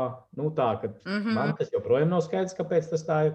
Bet cilvēkiem patīk. Nu, tad, tad arī to pieņemt, to dažādību. Tad, nu, jā, nu, viņiem tas, tas bija brīnišķīgs kopā būšanas moments. Nu, forši, nu, ja tas palīdz viņu biznesā un attiecībās, tad tas taču ir forši. Nu. Tieši tā. Tur jau tā lieta, ka tas jau nav, ka tur tik daudz atzari, man liekas, nevis, tas ir labi gan cilvēkam, attiecībām, starp kolēģiem un pašam biznesam kā tādam, pašai kompānijai. Viņu, es pieņemu, ka viņu tie, tas mārketings un cenas un pārdošana, es, es pieņemu aug augstāk un labāk, ka tu droši vien esi pētījis gan jau kaut kādas statistikas, ka tā tiešām ir. Jo es pieņemu, ka cilvēkiem pēkšņi radīsies tā vēlme to kompāniju padarīt par foršāku un labāku, jo, ir, jo viņi ir saliedējušies labāk. Jā, jo, nu, saku, tas, nu, tas vienā vārdā vēl var nu, sasumēt, ka tā ir īstenībā sarunāšanās. Respektīvi, tu zini, kāds viņš ir, un līdz ar to tu vari drošāk pieiet pie viņa un parunāt. Nevis domāt, ka tu mm. vēlna vecena neiešu pie viņas runāt, kas nozīmē, uzņēmums zaudē naudu. Nu, ko vai kopīgais mērķis zaudē, tāpēc ka jūs tur divi nevarat sarunāties vai pateikt, mm. tev šito nedara. Eh, man bija šis klients, viņš ir ļoti ķēpīgs, jau uzmanīgi tur eh, uzreiz, nu, kad iedod tos padomus, ka tu cilvēciski, nu, ka tu nebaidies. Nu, tur tas klasiski nebaidies, vai tu drosmīgāk var arī sarunāt, tāpēc, ka jūs tur bijuši kopā, viņš tev ir padevis roku, tur aizāli, tur izvilcis ārā. Nu, yeah. nu, tas bija tas, nu, tagad nedrīkst pieskarties, bet nu, tas fiziskais kontakts, ka tu jūties vai tā tā sajūta, ka viņš ir nu, foršs džeks, jā, foršs džeks, mm -hmm. viņš nav tur uh, priekšnieks. Tik slikts, kā es biju domājis. Jā. Kaut kāds speciālists, jā, viņš ir normāls čūlis, jā, viņš tur klusē, bet tas ir ok. Nevis, ai, viņš kaut, kaut ko ļaunu domā, viņš nekad ar mums nerunā, viņš laikam domā, ka mēs kaut kādas sliktās esam. Mm. Jā, viņš, viņš vienkārši nerunā. jā. tad, kad, kad to pieeja, tad jautājums, kā vai tas par to, par to atbalstu, kā es vienmēr šo piemēru saku, kad, nu, zinām, mums tiem aktīviem cilvēkiem, nu, man ir, zinu, ka man ir jāatbalsta kāds, un tad es iešu pie viņa paprasīt, kā tevi atbalstīt. Nu, jā, dažreiz cilvēkiem ļoti vienkārši noliec, nezinu, kādu konfliktu vai saldumiņu vai kafiju, uztais, noliec uz galdu un aizvācies prom. Un tas cilvēks jutīs labāk, nevis, kad nāc klāt un kā, kā man te atbalstīt, kā man te. Jā, jā, jā. Nu, viņš jau, jau, viss jau ir uh, ielīdz savā alā apakšā. Aliņā, jā. Tev jāpērk ar kaudzīta konfektīša nākamreiz, nevis tikai viena konfektīta. jā, tas ir, nu, tur tas, tas, tas, to piemēru, zinu, tas grāmatu piecas mīlestības valodas, ja, ka mm -hmm. tur var pārnest. Nav svarīgi, kādas viņas svarīgi, kad saprast, ka tev, tā kā tev ir, iespējams, tā citiem nav. Mm -hmm. Ja tu jau mhm. parasti nu, vis, visvairāk uh, darbojies, nu, tā, vai man šis patiktu. Nu, jā, šis man nu, aiziet, dos mm nu, kaut ko izdarīšu, bet īstenībā varbūt nu, ir atkost, kā viņš labāk, efektīvāk reaģē vai, vai harmoniskāk, kā jums ir tās attiecības. Nu, tur, jā. Nu, jā. Tieši tā, un ieguvēji ir visi tikai šādā situācijā. Nu, jā, jā, un tad arī rodās, ka tikko ir sadarbība un sarunāšanās, tad jau arī, kā saka, rezultāti. Rezultāts, vai es aizmirsu, kurš to teica, ja, kad uh, no izlūku pārvaldes, kad uh, tur, kur beidzās sarunas, sākās karš. Ja? Mm -hmm. nu, tur, kur beidzās komunikācijas, jā, un kamēr cilvēks tas arī uz attiecībām, no nu, savstarpējām, ja? jā. uz, uz, uz, uz, partneru, dzīves partneriem. Ja? Nu, mm -hmm. ja mhm. Vislāk jāsarunājas. jā, tas ir ļaunākais sots, ja tu nerunā, jo, jo tas ir, jā, tas tas ir karš. Ja? tas ir karš, jā, tas ir iestājas, nu, tu nezini, ko darīt. Jā, nu, tas tā, jā. Bet, nu, jā. Kā zinām, emocijas pāriet, un tad jau kaut kas parunājās. Mm -hmm. Tieši tā. Jā. Nu, jā, es gribēju arī pajautāt tev par nezinu, kaut kādiem labākajiem, labākajām vietām, skatu punktiem vai ekspedīcijām, kur jūs braucat gan Latvijā, gan ārzemēs. Kā, kā, kur līdz šim tā liekas, ir tās foršākās vietas, kur cilvēki var braukt un atpūsties? Man, jā, man jau patīk tās mežonīgās vietas, mm -hmm. un, un, un, protams, neiesaku populāras, tagad populārās vietas, bet, bet tā baigi nu, tā virzienu es pateikšu, varbūt yeah. neteikšu, jo man protams, kurzemes jūrmala un, un pierobežas tam līdzīgi, ka man tas ieteikums doties kaut kā uz vietām, ko tur Latvijas valsts meža kartē var apskatīties, nu tā, ka, kas ir tālāk no, no kaut kādām lielām vietām un tālāk, ja jau skaistākās vietas ir tur, kur jādodas vai vis tālāk, vai visgrūtāk, nu, kad ir grūtāk pieejams. Mm. Tas ir tas, tas uh, saprast, ka varbūt tā vieta nav pati svarīgākā, ir vēl ceļš. Un ar cilvēkiem, ar kuriem tu kopā dodies, ja, kad tu, tas ir komplektiņš. Ja. Mm -hmm. Tas, jā, tas skaitāk, man liekas, ka tālāk, tālāk no tiem oficiālajām, populārākajām vietām, ja, ka tu atrodi kaut kādu tur pašvaldībā vai kaut kur pasties kartē, izskatās interesanti, dodamies. Ja? Vai tur pie mhm. jūras kaut kāds ciems, kas nav saukrasti. Un, Vai es šo vajag izgriezt. Nu, es kaut kas arī forši. Bet, nu, tā, ka darba dienās, darba, brauciet darba dienās, nebrauciet brīvdienās.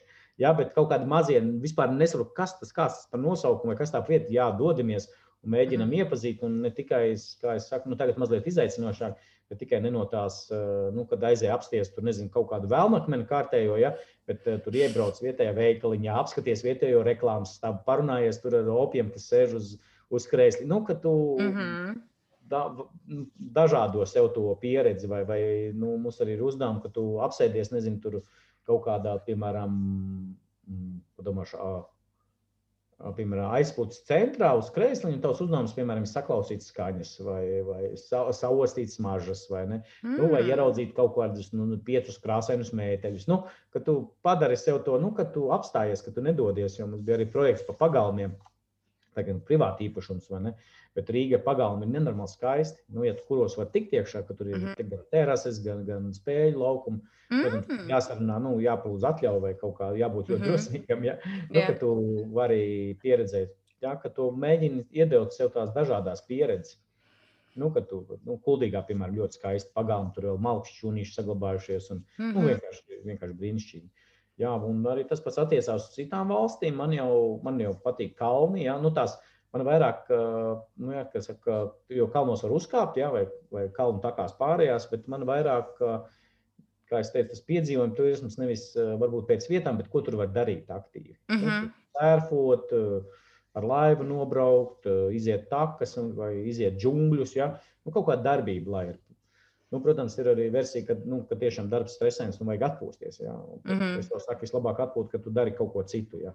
Nu tā, bet tas ir no manas perspektīvas. Bet, eh, bet eh, ieraudzīt to, nevis doties uz tām nu, klasiskām, nezinu, abu dabī tur vai ne visiem. Jā, jā. Nu, tiem nu, tipiskajām, jā, turismu punktiem. Jā. jā, es man patīk, tu biji viena kustība nevis uz populārākais, bet otrais populārākais galamērķis. Nu, tā, mm. kad, nu, vismaz, jā.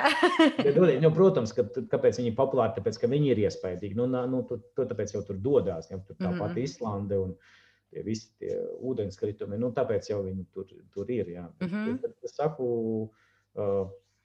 tāpat kā piemēram par Kilimanjaro, kuru, kurā var uzkāpt, bet tur ir baigā komerces tā, ka tur ir jāņem līdzi pavāri, nesē, nu, respektīvi, tur mm -hmm. ir Bet blakus ir cits kalns, kurā tev nav jāmaksā, lai tu uzkāptu. Ja, lūdzu, mazliet uh, iemācies, uh, parunā ar vietējiem. Ja. Mm -hmm. Nu, kā otrā kalnā, kur ir skats tāds pats. Ja. Nu, mm -hmm. Tāpēc blakus kalns varbūt viņš nebūs tik augstu, mm -hmm. nebūs tik trendīgi Instagramā, ka tu nevis Kilimanjaro, bet blakus uzkāpsi. Jā, jā, jā. Ja, ja mēs arī, piemēram, pa saulrietu punktiem, mēs, mēs arī ir, piemēram, Nepālē Punhils, kur visi nenormāli dodas, jā, bet ir vien, viens cits blakus kalns, kurā nav neviena gandrīz cilvēka. Jā.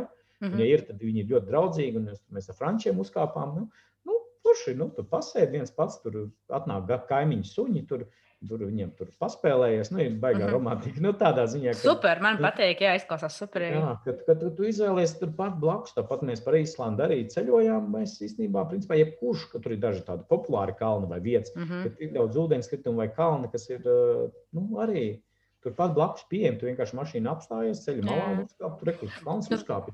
Vienīgais, ko es tev gribēju teikt, ir tas, ka vai ir kaut kāda, nu, laikam jau garantijas nav, bet vai tev ir saskāries, saskārusies? Oh, kā lai pasakā, vārdus nevar salikt kopā. kaut kāda pieredze, kad es vienkārši iedomājos, ja tu ej to neierasto taciņu, tad nav garantijas, ka tu neiekulsies kaut kādās nepatikšanās. Ja? Varbūt tas Jā. ir privāti īpašums, varbūt arī kaut kādi mežonīgi dzīvnieki vai mežonīgi cilvēki ar nažiem un narkotikām. Ja? un tādā, ka, Nē, kā, nu, tikai es, es jau saku, ka uh, labiem cilvēkiem jau ir vienmēr labs laiks un labs piedzīvojums. Jo, mm. nē, nu, tā, tur ir jābūt mazliet gatavībai, jā, nu, risināt. Jo, Kā jau teicu, dažreiz mums tieši tā sanāk, ka gribējām piedzīvojumu, sanāca pieredze. Ja? Tas sanāca rīktīgs piedzīvojums. jā, jā, tāds rīktīgs, vispār īsto. Ja? Bet, uh, tad ir baigi svarīgi, ar ko tu ej, ka tev ir nu, tā komanda vai tie cilvēki, mm -hmm. kas tev ir līdzi. Un, uh, Nu, pirms tam izpēta situāciju. Jā, nu, nē, tur, kur, piemēram, nezinu, tur Dienvidamerikā, kur ir narkotiku reģions. Jā, nu, nē, jā. Nu, vienkārši, ja tev nav speciāls mērķis, um, asas izjūtas, nu, paliks dzīves vai nē. Nu, ir jau vietas, vai tā paša tepat Eiropā, Balkāna ir uh, dažas valsts, kurās vēl mīnas ir. Nu, nu, nē, kaut gan, piemēram, tā paša Albānijā tur ir ļoti E, nepieredzami kalni, kā saka, jo tur parasti nu, nebrauc, nav tāds e, kalnu gala mērķis, ja tur parasti ir Alpi, ja mēs dodamies mm. uz Alpiem. Tur, tā. Bet mm -hmm. tur arī vietējie kalni, kur ir neatklāti un draudzīgi cilvēki, un tur var parunāties, izstāstīt. Un, un, man liekas, kas ir kad atrast šos nepierunātās vietas. Mm -hmm. nu, bet ar gatavību, jā, ka tur, tur, tur tev arī neglābs. Nu, tā, kad, nu, jā, tur alpos tev pazvanīt glābšanas dienestam, principā tev vajadzētu atrast, vai ne? Jā. Bet, nu, ar tām citām valstīm, bet uh, tas ir, nu, kā saka, mērķis, ko augt, ja, ka tu iztaigā tās uh, esošās takas, tev radās pieredze, tev radās arī sapratne, kas kur iet, kur neiet. Jau nav tā, ka, piemēram, mēs arī esam baigi ekstrēmisti. Īstenībā mēs ejam, kā saka, tajā outdoor izglītībā uz tiem apzinātiem riskiem. Nu, mēs izvērtējam riskus, mēs mm -hmm. skatāmies, mēs redzam, un ja kaut kur ir sarkanā līnija, tad mēs tur neejam.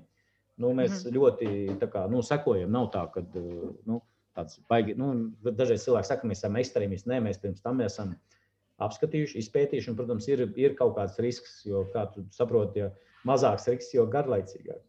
nu, jā, tieši tā. Tieši jo tā. augstāks risks, un tas uzdevums nepavilkt to risku, tas nu, nekontrolējumā riska tajā daļā, nu, ko tu nevari. Bet nu, dažreiz sanāk iebirsties, mums arī sanāk, tur naktī pēkšņi nu, tums uznāca pāri. Nu, jā, nu, tagad nu, risinām. Bet, ko jūs darat tādā situācijā? Jūs paliekat vienkārši tur tumsā pa naktīm, varbūt teltis līdzi, vai jūs cenšaties atrast ceļu mājās? Nē, nu, tas ir tas atkarīgs protams, no situācijas, bet pamatā mēs cenšamies uh, atrast ceļu uz mājām, tāpēc, ka pirms tam nu, jau lukturītas somā vai, mm -hmm. vai, vai, vai kaut kā, nu, protams, ir brīži, kad ir drošāk palikt uz vietas, jā, drošāk mm. vienkārši pagaidīt gaismu un to. Bet tas ir, eh, nu, kā jau teicu, baigs svarīgi cilvēkiem, ar kuriem tu ej.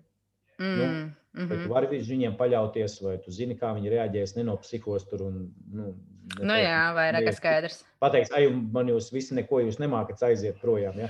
Bet nu, tas ir, man liekas, es nezinu, vai tā ir bijis, eh, bet es, es zinu, ka pat eh, kaut kādos minimālos izbraucienos, tie jau ir pat tādi ģimenes izbraucieni. Vienmēr mm. būs atradīsies kāds, tur nezinu, kāda boyfriends vai mm. boyfriendiene, ja, un tur būs kaut kāda krīze, un tad, un, jā, drāma, un tas viens cilvēks vienkārši aizies viens pats kaut kur. Vienkārši Jā. aizies. Un tad tev ir tāds, kā, tad, tad, kā jādomā, kā to cilvēku tagad atrast rokās. Un, vai viņam ir jāmeklē, nu, tā kā, zini, tās drāmas, es nezinu, kā viņas risināt. Nu, redzi, tāpēc ir pirms tam nu, kaut kāda noteikta soļa, kas, nu, kāds ir darbs pirms tam, jā, kad mm -hmm. nu, tā grupā ir atrunātās lietas. Jo parasti jau mēs neatrunājam, mēs dodamies, piemēram, ģimenes pasākumu, nu, vairākas ģimenes vai, mm -hmm. vai tur draugi. Parasti jau nu, kaut kādām lietām nerunā. Nu, par, mm -hmm. nu, kā, nu, forši braucam laivu braucienā, nu, braucam, jā, nu, tur, yeah nav, bet izrādās, ka uh, cilvēks, ko piemēram otru pusīti paņemt līdzi, kas, nu, à, tad šitā tās laivas, un viņās arī ūdens tā kā līst no aira. À, un tad arī sākās drāma. Ja. Yeah. À, tad nebūs tā, ka mēs vienkārši tā kā pēzaru ar duļu laivu pabrauksim, ja, bet mums tā kā visu dienu jābrauc. Ja. À, nu, tad, tad ir tā situācija, ko tu stāsti. Bet tas, tas, uh, tur ir tas darbs, ko mēs darām. Jā, ko jūs nodrošināt tādā ziņā, lai tas tik, nu, nenotiek. Nu, mēs, mēs paredzam, ka tas ir iespējams. Mēs mēģinām maksimāli atrunāt tās lietas vai, mm -hmm. vai novienoties. Tas, kas īstenībā arī komandas darbā notiek, nu, kad novienojās, kad saprot, kad ir vai ir izskaidro cilvēkiem iespēju. Un, ka, protams, cilvēki nesagatavot atnāk, tad viņiem tā ir. Jā, jā mums arī mm. piemēram, tas pats pārgājiens, jā, ir gadījies, kad uh, cilvēki saprata pārgājiens. Es sapratu, mēs desmit sepsim. Es saku, nē, nē, nu, būs kaut kādi septiņi kilometri. Pa, pa taku normāli, bet jā, tā bija Ugija zābaka, piemēram. Nu, cilvēks ir šokā. Nu, Tāpat ir viss kārtībā. Bet, bet nu, nu tā, tur, tur, tur jau tā teroriņa jau defaultā jau, jau parādīsies. Un tad to vajag pieņemt. Un tad ir nu, skaidrs jāzina, kā tu rīkosies, vai arī nu, vai otra lieta, ka tu atlaidi. Okay, ja cilvēkam, cilvēks vismaz 18, principā, viņš pieņem lēmumus attiecībā pret nu, sevi. Kā, Tieši tā, jā. Tev nav, tev nav jāsatraucās, ka kāds uh, apvainojies uz nezinu ko. Varbūt tur, mm -hmm. tu nemaz neesi vainīgs. Ka, jā. kaut kas netika pateikts, vai tas cilvēks ir ar mums. Nu, tur, nu, problēmiņas. Mm -hmm. Jā, jā, galvenais ir, nu, kad uzreiz saprast, ka tas pirmais emocionālais burbulis sprādziens būs. Tajā brīdī neko nevajag darīt. Ja? Nu, vajag pagaidīt, kamēr nomierinās, un tad uh, arī nu, turpināt ceļu. jā, nu, turpināt, mēģināt risināt, bet uh, jā, nu, ir brīži, kad nevar atrisināt, bet nu, tad, tad ir ok arī šķirties. Ja? Kaut, nu, ir apstākļi, kuros nevar, nedrīkst nu, palikt viens tur mežā. Kur, nu, glābšanas darbi. Bet, jā, jā, pamatā nu, jā, tā, mm. tā mūžīgais uzdevums vai nu cīnīties, vai atlaist, nu, padoties. Ja? Nu, jā. Ej! ja kas mēs te vēl pusstundu būsim? jā, jā, jā, jā, tieši tā. nu, jā, jā, bet jā, jā, tas ir pat, nu, kā mēs runājam par tām emocijām. To, tev, nu, mm. Tev pašam nevajag uzvilkties, kas arī bija grūti pateikt. Bet, nu, Jā, Jā, darbs mums visiem jāmācās uh, būt, man liekas, iecietīgākiem vai nevis pēc saprotošākiem. Gan, gan, jo gan pret sevi, gan pret citiem. Jo jā, dzīvē tās situācijas ir dažādas, un tad ej un mācies viņas risināt. Bet tieši tā, tas viss notiek uh, aktivitātes laikā. Mm. Jā. Jā, darbs ar sevi un ar citiem. mm. un, kā ir? Es jau gribēju te jautāt ar tiem meža zvēriem. Nu, tad, kur, kur tad jūs varbūt kādam lācim uztriekušies virsū? nē, nē. Tas ir jautājums, jā, jo šogad pavilkās par to, ka tie lāči tur ietnākoši Latvijā. Jā, jā, vilki arī. Es dzirdēju, ka drausmīgi daudz vilki Daugopils pusē, un tur jau plošot, plošot vistas, un pats tas tur vēl notiek. Jā, nu tā, tā, tā labā ziņa, nu tas ir tāds arī man personīgs viedoklis. Man liekas, ka tie gan lāči, gan vilki nu, nav tik bīstami kā, piemēram, meža kuģi un alņi, ka tur rāpi viņu riestu laikā vai starp mazuli un galveno nu, māte dzīvnieku, mātīti. -huh. vai tēviņu. Nu, tas, man liekas, ir trakāk nekā lācis. Jo parasti tie mežonīgie dzīvnieki, viņi arī baidās no ganot. Jūs jau iesiet barā, parasti smirdēsiet pēc ugunskura vai, nu, respektīvi, tas, uh -huh. ieraudzīt vai atrast viņu būs, nu, Man liekas, ka nav Latvijā bijis gadījumi, kad cilvēks saplosa vilks vai lācis. Es nezinu, bet, nu, yeah. nav, bet vairāk ir šādi gadījumi, kad uh, nu, kaut kādā aizvainot, aiz, ievainot eh, meža skūles vai, vai, vai alnas, tas, tas gan rīktīgi var savainot. Nu, tādā ziņā. Tu pats jā... esi kaut ko tādu pieredzējis, ka tev tu ej un tev pēkšņi kaut kāds dzīvnieks priekšā Latvijā. Jā, mums ir bijis, ka mēs slēpojam tur pa tādu ceļu, kur abās pusēs valnis un pretī nāk kaut kāda, cik tur bija, 15, 20 tādu meža kuģi. Un tad tu ieraugi viņus kaut kādā 20 metru attālumā, jau abas tādas nu, tautas bars un, un, un, un cūku bars. Tad uh, tagad sākās kā, tas, tas uh, street fights, ja, nu, kurš, jā, kurš, norausies, kurš, ies, kurš norausies. Jo pa lielam mēs tās meža cūkas nevarētu. Nu, kas mums tur slēpjas un slēpj no nu, nevienam. Jā. Nu, laimīgi, bet jā, jā, tur bija tāds pauze, jā, tāds moments. Mēs uz viņu, viņu nu, viņi kaut kā laikam pieņēma lēmumu, ka pār tam valnim viņi pārdragāja visas tās 15 cūkas. Viņi tā kā pat uz jūsu pusi negāja. Nē, nē, nu, jā, negāja. Viņi nogriezās pār, nu, izlēma to. Mm. Jo, laikam, cilvēki, nu, tomēr ir viņi baidās. Bet, mm -hmm. jā, jā, bet stāsti dzirdēt, jā, ka tas meža kuģis rītīgi var saplosīt saviem ilkņiem. Nu, respektīvi, kas ir jābūt uzmanīgiem. Nu, vienkārši, kad iet un pa laikam. Nevar jābūt... kokā uzkāpt un nogaidīt, lai jau. Nu, ir, ir versija, jā, jā. Nu, principā tev jāatrod nu, kaut kādos brikšņos vai kaut kur, nu, kur, kur tam zvēram ir grūtāk tikt cauri, vai uh -huh. stopu jāslēp, nu, nav mugursomu jāliek priekšā. Vai, Nu, kas, bet, eh, nu, tur ir tas teiks, ka meža kūlis jums skrien virsū, tad pēdējā brīdī paskrieniet tā, nu, maliņā, jo viņš tā kā paliciet tā, paliciet malī, jo tas meža kūlis nevar nomainīt kustību. Nu, tā kā trajektorija. Tagad vēl būs taisa tiltiņa. tā kā filmās Matrixā rāda tev nāk un tikko metru attālumā, tad tev jālec. Ķipa, jā, jā, jā, akties. Tas nu, ir tāds risks. jā, jā, jā, nu it kā, jā, bet es neesmu dzīvē tā bijis, tā kā es baigi mm. negribētu par šito filozofēt un atbildēt. Bet, Nu, jā, nu, tev ir jādod droša vieta, bet uh, es nu, vairāk, un cik es esmu meža cūks un tos pašus aļņus saticis, uh, nu, principā tu viņus jau pamani pa lielu gabalu un tu sāc trokšņot viņu paši, kā, paši aizmet. Mm -hmm. vai, vai kā, nu, tādā ziņā. Ka, nu, vasarā es staigāju kaut kādā čūskā, es uzkāpšu virsū. Nē, pēc čūskām ir tā, ka Latvijā ir tikai viena jaunā čūska, odze, ja, un tad, mm -hmm. attiecīgi, tā pirmā lieta, ja nu gadījumā tev netīšām iekož viņa, Ja, tad, nu, palūgt, lai, nu, baigi, tas ir mierīgi tā stāstīt. Tas nav mierīgi. Tas nav mierīgi. Nu, kad tu pats nekusties, tu uzliec tur, paliec mierā, paliec ēnā, jo galvenais ir pašam neskriet kaut ko, jo var noģīt. Tur izsaucot medicīnisko palīdzību, nu, principā jāgaida palīdzība, jo tā inda izplatās. Bet, nu, cik es sapratu no tiem aprakstiem, tad nu, baigi nomirt nevar. Nu, tādā ziņā, ka nav tā kā Āfrikā piekož un divās minūtēs, ja neiebliež tev to pretī, nu, tad nomirs. Nē, nē, nu, tev, tev mm -hmm. stacionāri problēmas varētu būt vairāk par, ja tev kaut kādas alerģijas vai kaut kas nu, tādā ziņā. Mm -hmm. Un, un tas ir tas svarīgākais. Nu, tu... Jautājums, tas būs tāds muļķīgais jautājums. To esmu filmās redzējis, bet es nezinu, vai tas, es pieņemu, ka tas varētu strādāt. Bieži vien esmu strādā. divi cilvēki, un tad ir čūskas inda tev ir kājā, un otram jāsas tā inda ārā.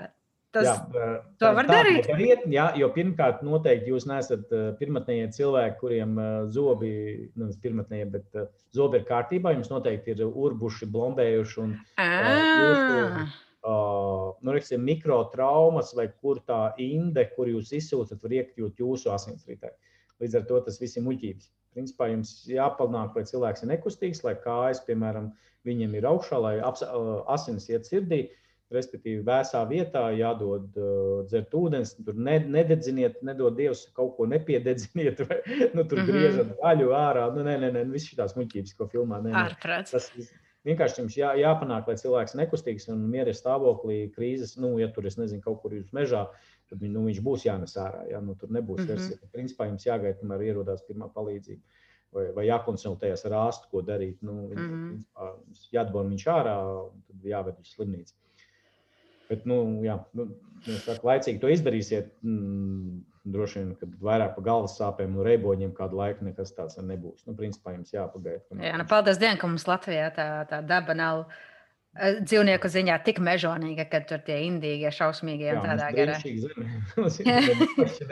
Nekas ne, vai, nu Jaunzēlandē, ja Jaunzēlandē arī nav mošķi. Jā.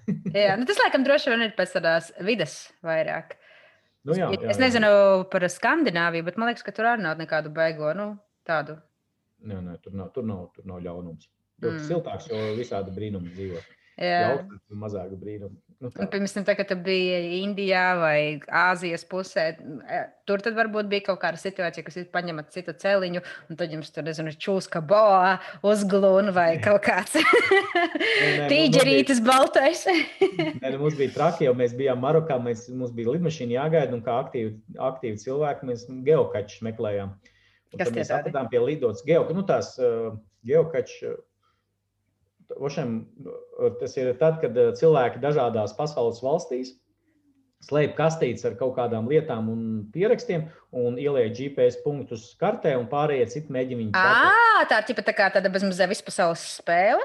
Jā, jā, jā, jā. Nu, tā kā spēle, tā kā kustība. Es viņu nosaucu par kustību, jo parasti tās, tās tos slēpņus saucamos, ja geokačs liek tādās interesantās vietās, vai nu tur vide ir interesanta, vai skats interesants, un tad viņi noslēp. Un, uh, un tad, respektīvi, ir vesela kustība, kas tur speciāli, piemēram, brīvdienās nevis brauc uz vārtas iedzija, bet viņi, ot, reku, paņemsim piecus geokačus, jo viņus ir jāatrod, viņi tur dažādas grūtības, un tad ir tā kā kvizi, viņi, nu, tad ir dažādi, tur visādi. Mm. Tad, nu, viņiem ir mērķis, nu, kaut ko doties, nevis vienkārši tur dabā, mm -hmm. bet redz, lai atrast, jo, jo, nu, es arī esmu to nodarbojies, bet man beigās, nu, likās, uh, dīvaini, ka tu baigi iegūt spēku, un beigās tev ir plasmas kastīte, tur, kur ir no Kinder surprise. Tur jā, tur nekā nav. Bet, bet, bet tur jau tā lieta, ka tur nu, tā ideja, lai atrastu, nu, tur nav svarīgi, nu, jā, jā. atrod, bet svarīgi, un tur ir grāmatiņa, kur tu pieraksties, tur redz, vai citi arī ir atraduši. Un tā, mm. nu, jā, un respektīvi mēs meklējam pie tās lidostas, netālu ir. Un viņam pats jābūt, mēs jau kādu 20 minūtes, un, zin, kā, tur ir tas nu, atrast, tur tas galvenais mm. atrast. Un tad, oh, reku, izskatās pēc, nu, kaut kāds akmens, taču pēc zem akmeņa. Un tas, tas draugs Mārtiņš Pūlis taisa to akmeni vaļā, un tur ir skorpions ar visiem mazuļiem. Tādiem, nu, 3 mm. Nu, es tik, tik maz skorpionu nebiju redzējis. Nu, tāda mikro ir tas lielais skorpions, un uz viņu kaut kāda nu, 50 vai cik tur. Oh! Un mēs tā, ok, laikam mums jālido apakaļ uz Latviju. Paldies! tas bija tāds Nu, mēs sapratām, ka eh, geokačs šajā valstī mums eh, nestrādās. Laikam, nestrādās jā, jā. Nu, varbūt vienkārši... kāds cilvēks par to speciāli tur izlika. Viņš zināja, ka nē, bet tur nebija tā punkta. Mēs vienkārši pacēlām kaut kādu random akmeni. Tā, okay, tā skaidrs. Jā, jā, mēs izlasījām, ka tas punkts tur ir noņemts, un, un viņš tur nemaz nav. Tā, bet, okay. svarīgi, bet tas, tas bija tāds, nu, ka mēs sapratām, nu, kā nu, tur Marokā arī šķūskas ir. Nu, tā, ka, mm -hmm. Aizmirst, kāda jau krāsaināka, tā muguriņa un indīgāka. Jā, jā, jā. Bet, eh, bet, bet jā, jā, tas mums tāds, um, nu, mēs sapratām, ir, nu, kā, tas, tas arī gaudorā arī, kad, nu, kad ir brīži, kad ir stop, nu, kad Vajag apstāties. Jādodas apakaļ. Jā, jā. Nu, tas, Mm -hmm. Zīme. Zīme ir stop. Jā. jā. nu, interesanti klausies. Nu, jā, un tad es aizjūtu cauri tam tavam kontentam. Es apskatījos, es redzēju, ka esat uzkāpuši ļoti augstā kalnā, bijuši Everestā, vai ne? kā pastāstīt? Nē, nē, gluži kalnā mēs, Everestā mēs neuzkāpām, mēs uzkāpām līdz bāzes nometnē. Bet, jā, jā. À, nu, zini, kā man jau tur Jā, jā, es īsti ir... to nesaprotu, bet es ieraugu augstu auguru un tur kaut kur pierakstīts Everest, tas ir skaidrs. Bet, jā, es nezinu parasti par to pašu Everestu vai vispār par kalnos kāpšanu. Cilvēkiem ir dažādas pieredzes, un citi saka, ka tā ir vienkārši dzīves pārmācošas pieredzes, ja, ka tur mhm. tiešām tas no tiem prasa ļoti, ļoti daudz. Uh, un, jā, varbūt tas pats pats Everesta topiņš nu, ne visiem ir iespējams. Un es zinu, ka tagad runā par to, ka pat kaut ko grib aizliegt vai pieliekt. Daudzi to neiztur, un cilvēki tur čāžingo kaut kādas summas nenormālākās, kuras nevajadzētu, un tad viņi piemēslo. Nu, tur visādi Jā. problēma epifēnija. Tā kā tu varētu varbūt pastāstīt vairāk, ko tu no tās pasaules zini. Jā, nu, ir, ir tā, jā, ka mēs Nepalā diezgan bieži esam, un tas bija īstenībā Uh, jā, vairākas reizes mēs tur dažādas takas ar, ar grupām un ar instruktoru grupām izjām. Mm -hmm. Bet tas bija tāds mums tāds pārzīmes, tāds piedzīvums ļoti spēcīgs, tāpēc ka tā Everest bāzes nometne ir tas nu, nosacīti komercmērķis. Bet tajā pašā lieta, laikā tas ir tāds baisais uh, punkts, jo nu, visi kāpēji iet, nu, tie lielie, kas uzkāpa tur līdz galam, ja, mm -hmm. Tur visiem 8000 ja, un tā Everest Basecamp, kurā mēs bijām 5300, ja, kas ir jau diezgan labi. Ja visi var dabūt filmu programmu, ja, uh, mēs gājām caur trijām pārējām, nu, ka tur ir dažādas, nu, nevis vienreiz tev jāuzkāp augšā, bet četreiz īstenībā sanāk. Nu, mm -hmm.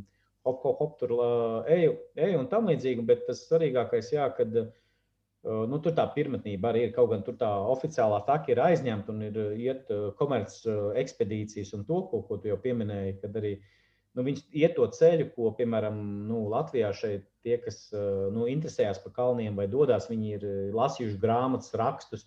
Arī tagad, nu, kad, nu, kad īstenībā tas ir ceļš, pa kuriem tie lielie kāpēji tur dodas. Un, protams, ka tagad Everest ir nu, saka, padarīts pieejamāks cilvēkiem, kuri varbūt pa kalniem īsti nesaprot, bet viņiem svarīgi ir tas mērķis uzkāpt pasaules augstākajā kalnā. Un līdz ar mhm. to uh, vietējie to ir noķēruši un ir tie komercgrupas, kur, principā, ja tu vari paiet, principā tev uznes kalnā vai tur nodrošina, tāpēc, ka aizvien vairāk cilvēki grib to izdarīt. Varbūt nevis tāpēc, ka uh, tas ir mīlestība pret kalniem vai ko, bet viņiem ir svarīgi sasniegt to augstāko iespējamo nu, ambīciju. Mm -hmm. Jo īstenībā blakus ir citi kalni, kuros arī tehniski grūtāk un Tieši daudz jau arī, piemēram, ja tu esi komerci tajā pārgājienā, nu, tev tur, kā saka, īstie alpinisti vai kalnā kāpēji, nu, tas Everests īstenībā tehniski viegls. Nu, nosacīt mm -hmm. viegli, nav viņš viegls, viņš smags, bet grūtāk ir tādā kā divi uzkāpti vai ne, vai anapūrnas. Nu, nu, ka tas respekts ir lielāks, bet tas tā, tā komūna iekšējā, nu, maziņa pamatā mm -hmm. visi zina to Everestu, augstākais kalns, man viņā jāuzkāp. Nu, kā saka, zilo okeāna stratēģija, nu, kurš tas izaicinošākais mērķis varētu būt? Nu, Everests. Augstāk mm -hmm. nevar. Nu, tad mm -hmm. kāpsim tur, jā, nevis. Tad, tad, attiecīgi, nu, tāpēc arī tur uz vietas radās visādi dabai nedraudzīgi pasākumi, kā atkritumi. Jo pat pirmkārt par to ekspedīciju tev jāmaksā atļauja, tad jāmaksā uh, šer, nu, tā visai ekspedīcijai, nu, apmēram 10, es nezinu, kādas cenas, bet nu, ap 10 tūkstoši vispār, ka tu vispār vari kāpt.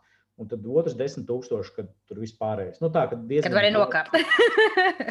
jā, nē, par nokāpšanu tur ir dažādi. Jā, tur ir daži, kuri ripo, ripo, kamēr kaut kur parakstās, kad viņus var atstāt tur, jā, jo neviens negrib viņus nest lejā.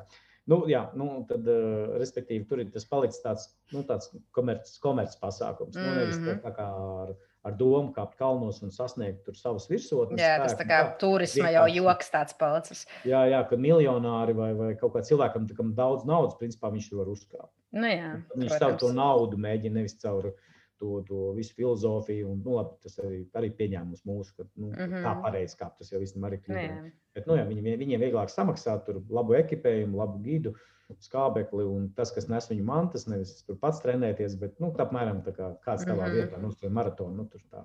Nu, nu, jā. Aizmist, ja. Bet, nu, jā, tur to visu, to, to romantiku. Bet nu, nedrīkst pārmest. Ja? Nu, varbūt viņš citā vietā ir spēcīgs, lai viņš varētu samaksāt tik daudz naudas. Yeah. Bet, bet līdz ar to tie cilvēki paliek vairāk un vairāk, līdz ar to arī dabai, daba cieši, tur atkritumi palielinās, eh, viss tas tā taka. Kā saka, pagājušajā gadā bija tā slavena bilde, kurā tur simtiem uz tās takas stāv, ja tur ir daži šķēršļi jāpārvar, un tad tur ir sadrūzmējums, un, protams, kad augšā ir 6, 7 tūkstoši jau augsti, augsti, un tas skābeklis nav, un tur viss. Mm -hmm. nu, kas, kas kā rezultātā tur tas, nu, nu bardaks, respektīvi, sākās. Nu, jā, jā, jā, jā, tieši tā.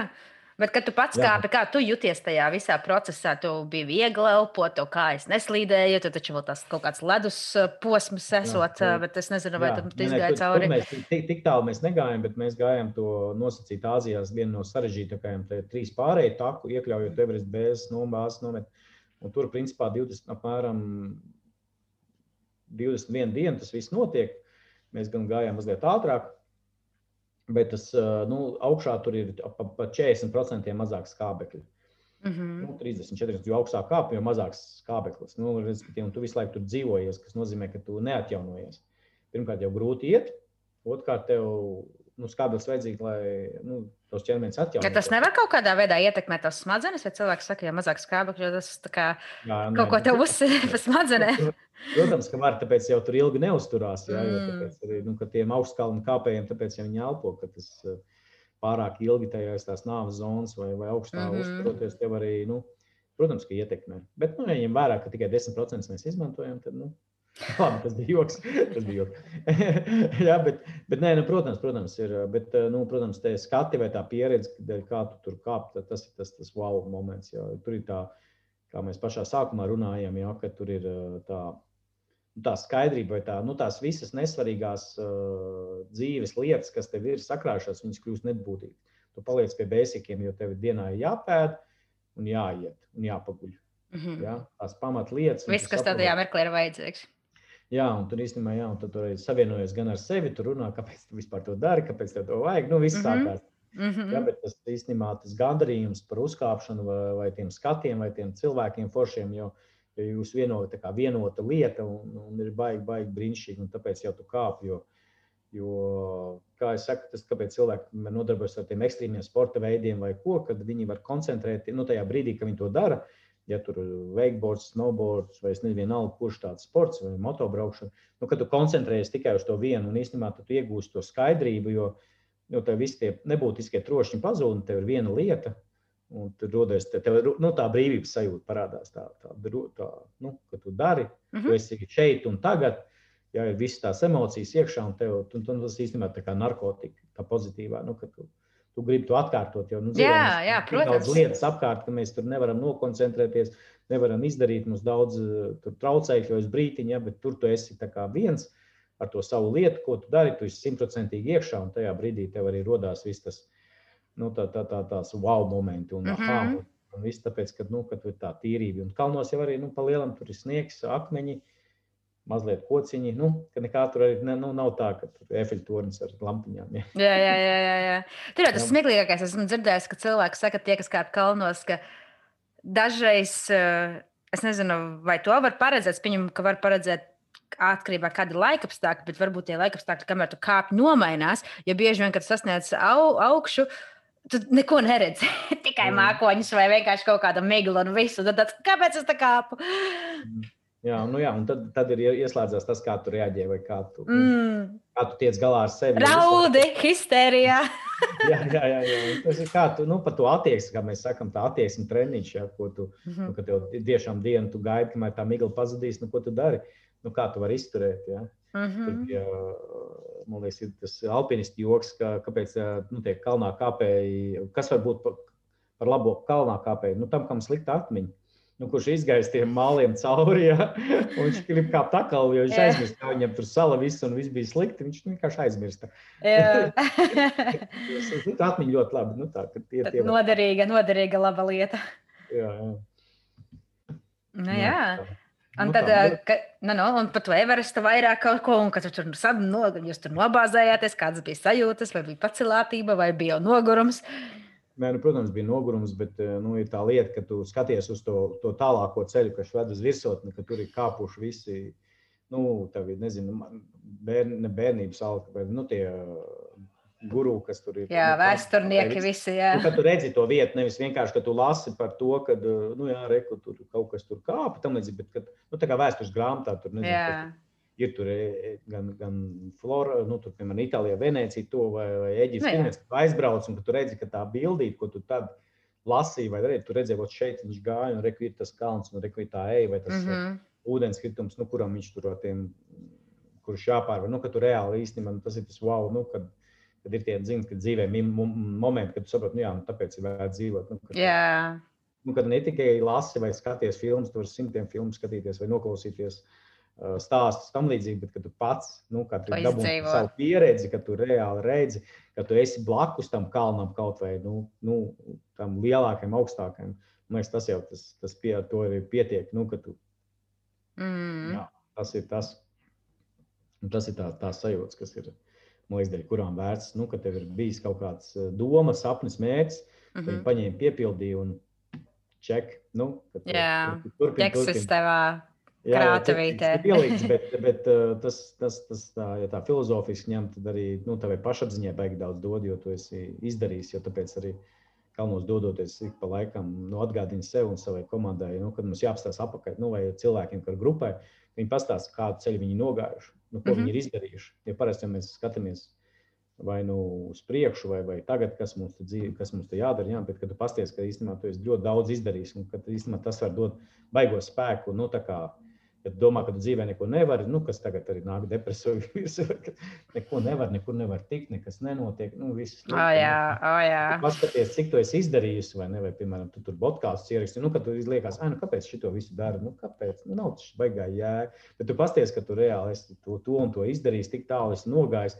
tik daudz cilvēku saticis, tik daudz varbūt labi izdarījis, mm -hmm. nu, tas tev dod to spēku nākošam solim, kad, kad īstenībā, jā, nu, tu esi ļoti daudz izdarījis, nevis tā, ka, ah, nu, es vēl neesmu bijis tajos kalnos, es izdarīju to, man tur vēl vajadzētu to izdarīt. Un tā, ah, viss, es nekas neesmu. Jā, meta visu jā. Bet īstenībā tu esi, nu, tu esi lielisks, brīnišķīgs. Ja? Tu esi kaut kā mhm. izdzīvojis līdz šim brīdim, ja? dzīvojis, varbūt izdarījis brīnišķīgas lietas, un tas ir. Nu, jā, tas ir pats nav, svarīgākais. Jā, nav, nav miljons nopelnīts, bet uh, tev viss īstenībā kārtībā.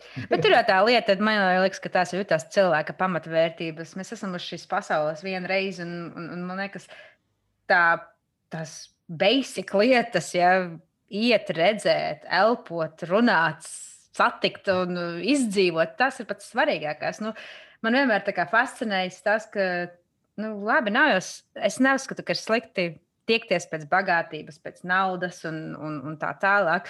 Bet, ja vien tu turi to tādā balansā, ka tu spēj arī izdzīvot dabu un, un tā kā novērtēt to un darīt kaut ko tās lietas labā, uh, Jā, tas man liekas, ir viens no. Varbūt, varbūt mums tas latviešiem ir tikai iekšā. Es nezinu, ja man liekas, latvieši ir tādi arī ļoti dabiski cilvēki. Jā, jā, mums tā daba ir vajadzīga. Jā, jā, un paldies Dievam, mums viņi tagad ir, kas ļauj tā kā, nu, kā saglabāties, mm -hmm, mm -hmm. atgūt spēkus, izveidināties. Tā, Tieši tā. Es zinu to, ka ir vēl, jo, nu, labi, es neesmu baigi daudz kalnos kāpus, bet nu, tādos mazos auguriņos, kaut kur tā vietēji, kaut kur, kur ir sanācis, esmu ievērojis to. Arī tagad, uh, parunājoties ar draugiem, es saku, oh, nu, kad sarunāšos ar tevi un par kalniem un tā un šitā. Un tad viens saka, ka viņš tur Skotijā esot kāpis. Un viņš saka, un pēd, pirmā pēdējā reize, kad viņš ir kāpis kalnos, jo viņam, kas visvairāk besīs, ir tas, ka vispār nevarēs nokāpt no kalna lejā. Ja, cilvēkiem ir bijis tas par ko nerunā tik varbūt bieži un aizmirstās, ir viens, kas sasniedz virsotni, bet otrs kārs par nokāpt lejā. Ka vēl cilvēku muskuļi savādāk strādā. Mums, mēs jā, neesam jā. pieraduši strād, tā skāpt. jā, jā, nē, nē, tur ir taisnība, bet uh, to jau, jā, kā mēs sakām, mēs kāpjam, kāpjam, ejam kalnos, vai tas tāpat kā kokā. Ja? Nepietiek uzkāpt kokā, mm. ir tikai pusceļš, uzkāpt kalnos, tas ir pusceļš līdz ar to. Uh, saka, tāpēc ir vajadzīgi šie instruktori vai, vai pieredzējuši cilvēki, kas ir bijuši, ka viņi izstāstīja, ka tas ir tikai pusceļš, ka tev tie spēki ir jāsaglabā, vai kā vieg, labāk saglabāt to enerģiju, kā, kā taupīt sevi, kā atpūsties regulārāk, ja nevis tikai maukt, ja, vai uz uzkāpšanu, tad ne, tev lejā jānokļūst. Līdz ar to tev jāplāno savi spēki. Vai, vai jāzina. Nu, tā, tā kā, tas, tas ir taisnība, jā, kad, kad tas ir nu, tā, ir tā redzamā daļa, vēl jau tā nokāpšanas daļa. Mm jā, un, un tas ir tas, man liekas, pats svarīgākais. Jā, nu, ka... ka, ka tas ir jāparedz, tas ir jāplāno un tas ir jāzina. Nu, tā, ka, jā, ka tas Bet tas atkal ir kaut kas tāds, ko cilvēks. Uh nu, viņš kā, viņam tas ir jāpieredz. Viņam ir jāiziet cauri tam, lai Jā. viņš kā, zinātu, par ko ir vispār runa. Jo es arī saku, es nokāpu no mazāka auguriņa, bet man bija tāds, ka es arī jūtu, ka uh, ceļos tādi dīvaini krakšķi, tādas tā kā sāpes, stīvums, tāds, kas notiek. Kāpēc es nevaru noiet no kalna lejā? Bet, uh, bet tiešām, nu, kā es nav pieradušas pie tā, tas nav mums filo, filoz, ne, nevis filozofiski, bet uh, nu, Mhm. Fiziski iestrādāts, ka kāp no kalna lejā. man es arī kāpu lejā, man ceļš sāp, tāpēc es skrienu. Nu, tā. jā. nu, tā. Vai jāiet tā kā atmuguriski? jā, jā. Nu, tur ir dažādas tehnikas, bet nu, tas, tas, to es zinu, kas tas, ka tas tā būs. Un, un viss, nu, tā. Jā, nu, tālāk. Jā, jā. kalnu kāpēji klausies. Jā, nu mēs jau esam gana tagad jau norunājuši, jā, tuvojas gan jau bez šķiet finišiņam. Uh, jā, jā, jā, jā, jā. Ah, es gribēju tev arī pajautāt, skatījos, ka tev ļoti daudz tieši šobrīd ir supošana un laivām visādas nodarbes. Tas ir kaut kas tā kā jauns, vai tas vienmēr bijis klāt, un kur tu supo? Rīgā, Latgalē? Mūsu, mūsu organizācija ir Rīgas laivas, kas ir Rīgas kanāls. Mm -hmm. ja, mēs kā, kā sakām, bijām šausmīgi radoši un izdomājām, ka ne tikai pa dabu, nu, Latvijas upēm var ceļot, bet arī uh, Rīgas kanāliem Rīgas ūdeņiem, bet uh, supojamies arī pa interesantām vietām. Un, un, uh, no super ir tā, ka tur var izbraukt vietas, kur nevar izbraukt ar laivu. Tāpēc mm -hmm. tas arī, un, nu, viņš ir vairāk arī tāds nu, savā ziņā mierīgāks un pieejamāks. Laivām atkal vajag nu, tad, uh, tur mazliet cits, cit, cit savādāk. Bet ir cilvēki, kam šausmīgi patīk laivas, un ir uh, supi, kas patīk citiem, nu, pamatā meitenēm. nu, tāpēc Relaksētāks tāds tam ir. Process vairāk, process orientēts laivas vairāk ir tāda, nu, cīņa. Mm -hmm. Ja?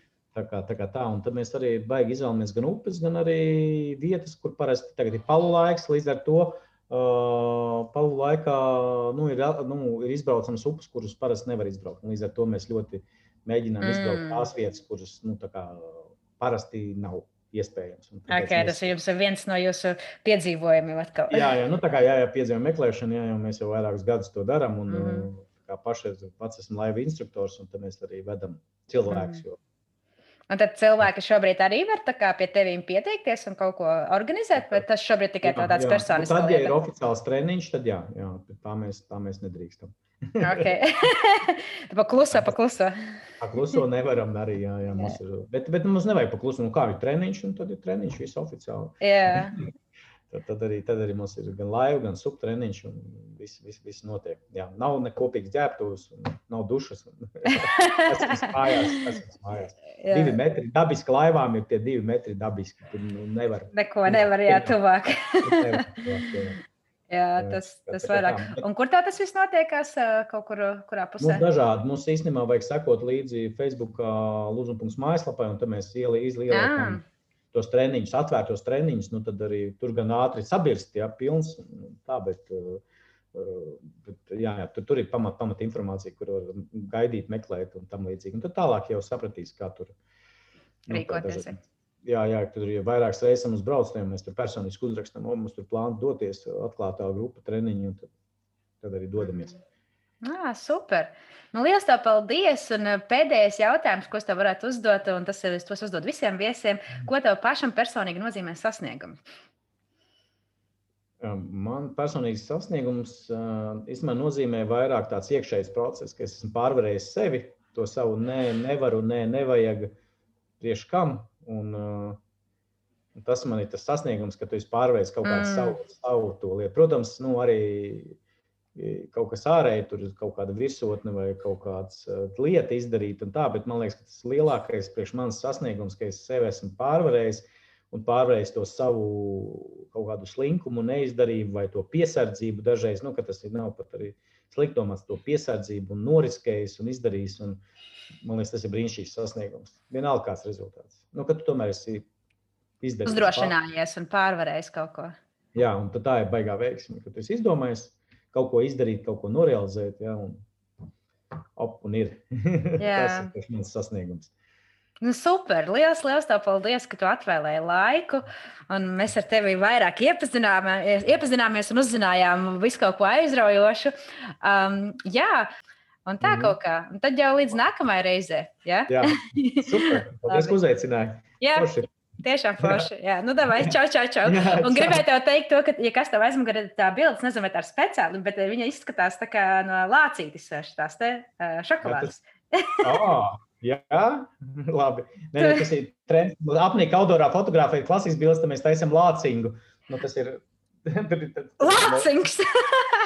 Nu, tāds galīgi nav smaids vai tur klasiskais no muguras un fons tālāk kalnu un upe, bet ir. Ideāli. Jūs varētu būt, jaun... Jūs varētu būt jauna reklāma lācīšu laimas šokolādēm. oh, jā, es padomāšu, jā, tieši varētu aizsūtīt viņiem.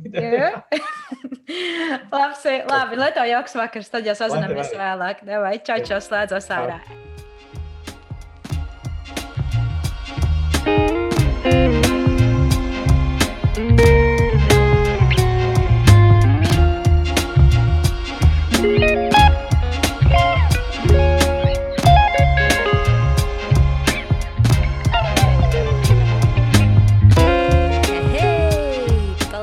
Klausījies vai skatīji klausījies. Par cik mūsu video formāts ir pazudis kaut kur uh, Star Wars viņa pasaulē. Um, bet liels tev paldies! Noteikti padod ziņu, kā tev patikās, ko tu jaunu uzzināji. Nebaidies nokomentēt, novērtēšu arī laikus, novērtēšu arī personīgus messages. Esmu atvērta tev klausītāji tieši tā. Uh, bet, jā, vairāk informācijas par viesiem tu vari uzzināt uh, Instagram, pirmais latvijas uz mēnesi lapā, vai arī Facebookā, pirmais latvijas uz mēnesi, Facebook lapā. Un, jā, starp citu, ja interesē arī vairāk uzzināt uh, par mani, hello, pašreklāma. Pavisam nesen veicu divas superīgas intervijas. Um, viena ir video formātā, kas ir uh, or Sandbox channel uh, lapā. Or Sandbox kā mūsu smilšu kastīte tulkojumā. Uh, tā lapa ir gan Facebookā, gan YouTube. Un uh, tur tu vari noklausīties manu sarunu ar Mother Riley. Uh, kur viņa man šoreiz uzdeva jautājumus, un, un, un tā ļoti pozitīvā gaisotnē iz, izvilināja un uzzināja informāciju par manīm, kuru varbūt es tik bieži neesmu dalījusies ar cilvēkiem, bet nu par cik tāds publiskāks projekts, pirmais Latvijas mēnesis podkāsts, es arī labprāt dalos, un es jau saprotu, ka ir par šīm lietām jārunā un vairāk arī jāreklamē. Um, Tā kā tā. Un, un arī, arī, arī tāda nopietnāka saruna, bet tajā pašā laikā es uzskatu super pozitīvi un tādu ļoti smuki mani tur ir noreklamējuši. Mija.lv brīnišķīgs portāls, pilns ar iedvesmojošām intervijām. Ārprāts, tur tajā portālā tur vienkārši pavadīt dienas. Un, um, jā, vēl viens miracles um, uzrunāja mani Mija LV. Uh, redaktore, žurnāliste Sanita. un Sanita mani nointervēja un uztaisīja rīktīgi foršu tādu gan vizuālu, gan rakstam bagātu interviju ar manīm. Un jā, tāda intervija, ka man galīgi nav ne kauns, neko nešērot, ne rādīt, kas tad ir noticies, bet viss ir superīgi un, un es esmu lepna, lepna par šo darbu. Tā kā tā, ejam, klausamies ar Sandbox čanelīti vai Mija LV portālā, lasamies nost un, un tā kaut kā dodam ziņas, bet uh, lai tev superīga diena vai vakars, um, esi pozitīvs. Es zinu, ka šis laiks ir, nu, angļu valodā jāsaka, challenging. Um, bet, um, bet visam ir savs iemesls, un, un lai tur vai kas, tici man, dienas būs gaišākas un labākas. Bet galvenais ir saglabāt tādu vēsu un gaišu prātu, un atkal un atkal uzstāšu, nu, nu klausamies mazāk ziņas un televīziju. Nu, es nezinu. Tā informācija man vairs neuzrunā, un jau ilgi neuzrunā, un ticiet man, esmu laimīgāka. Tā kā tā. Labi, un tiekamies nākamā otrdiena bučas!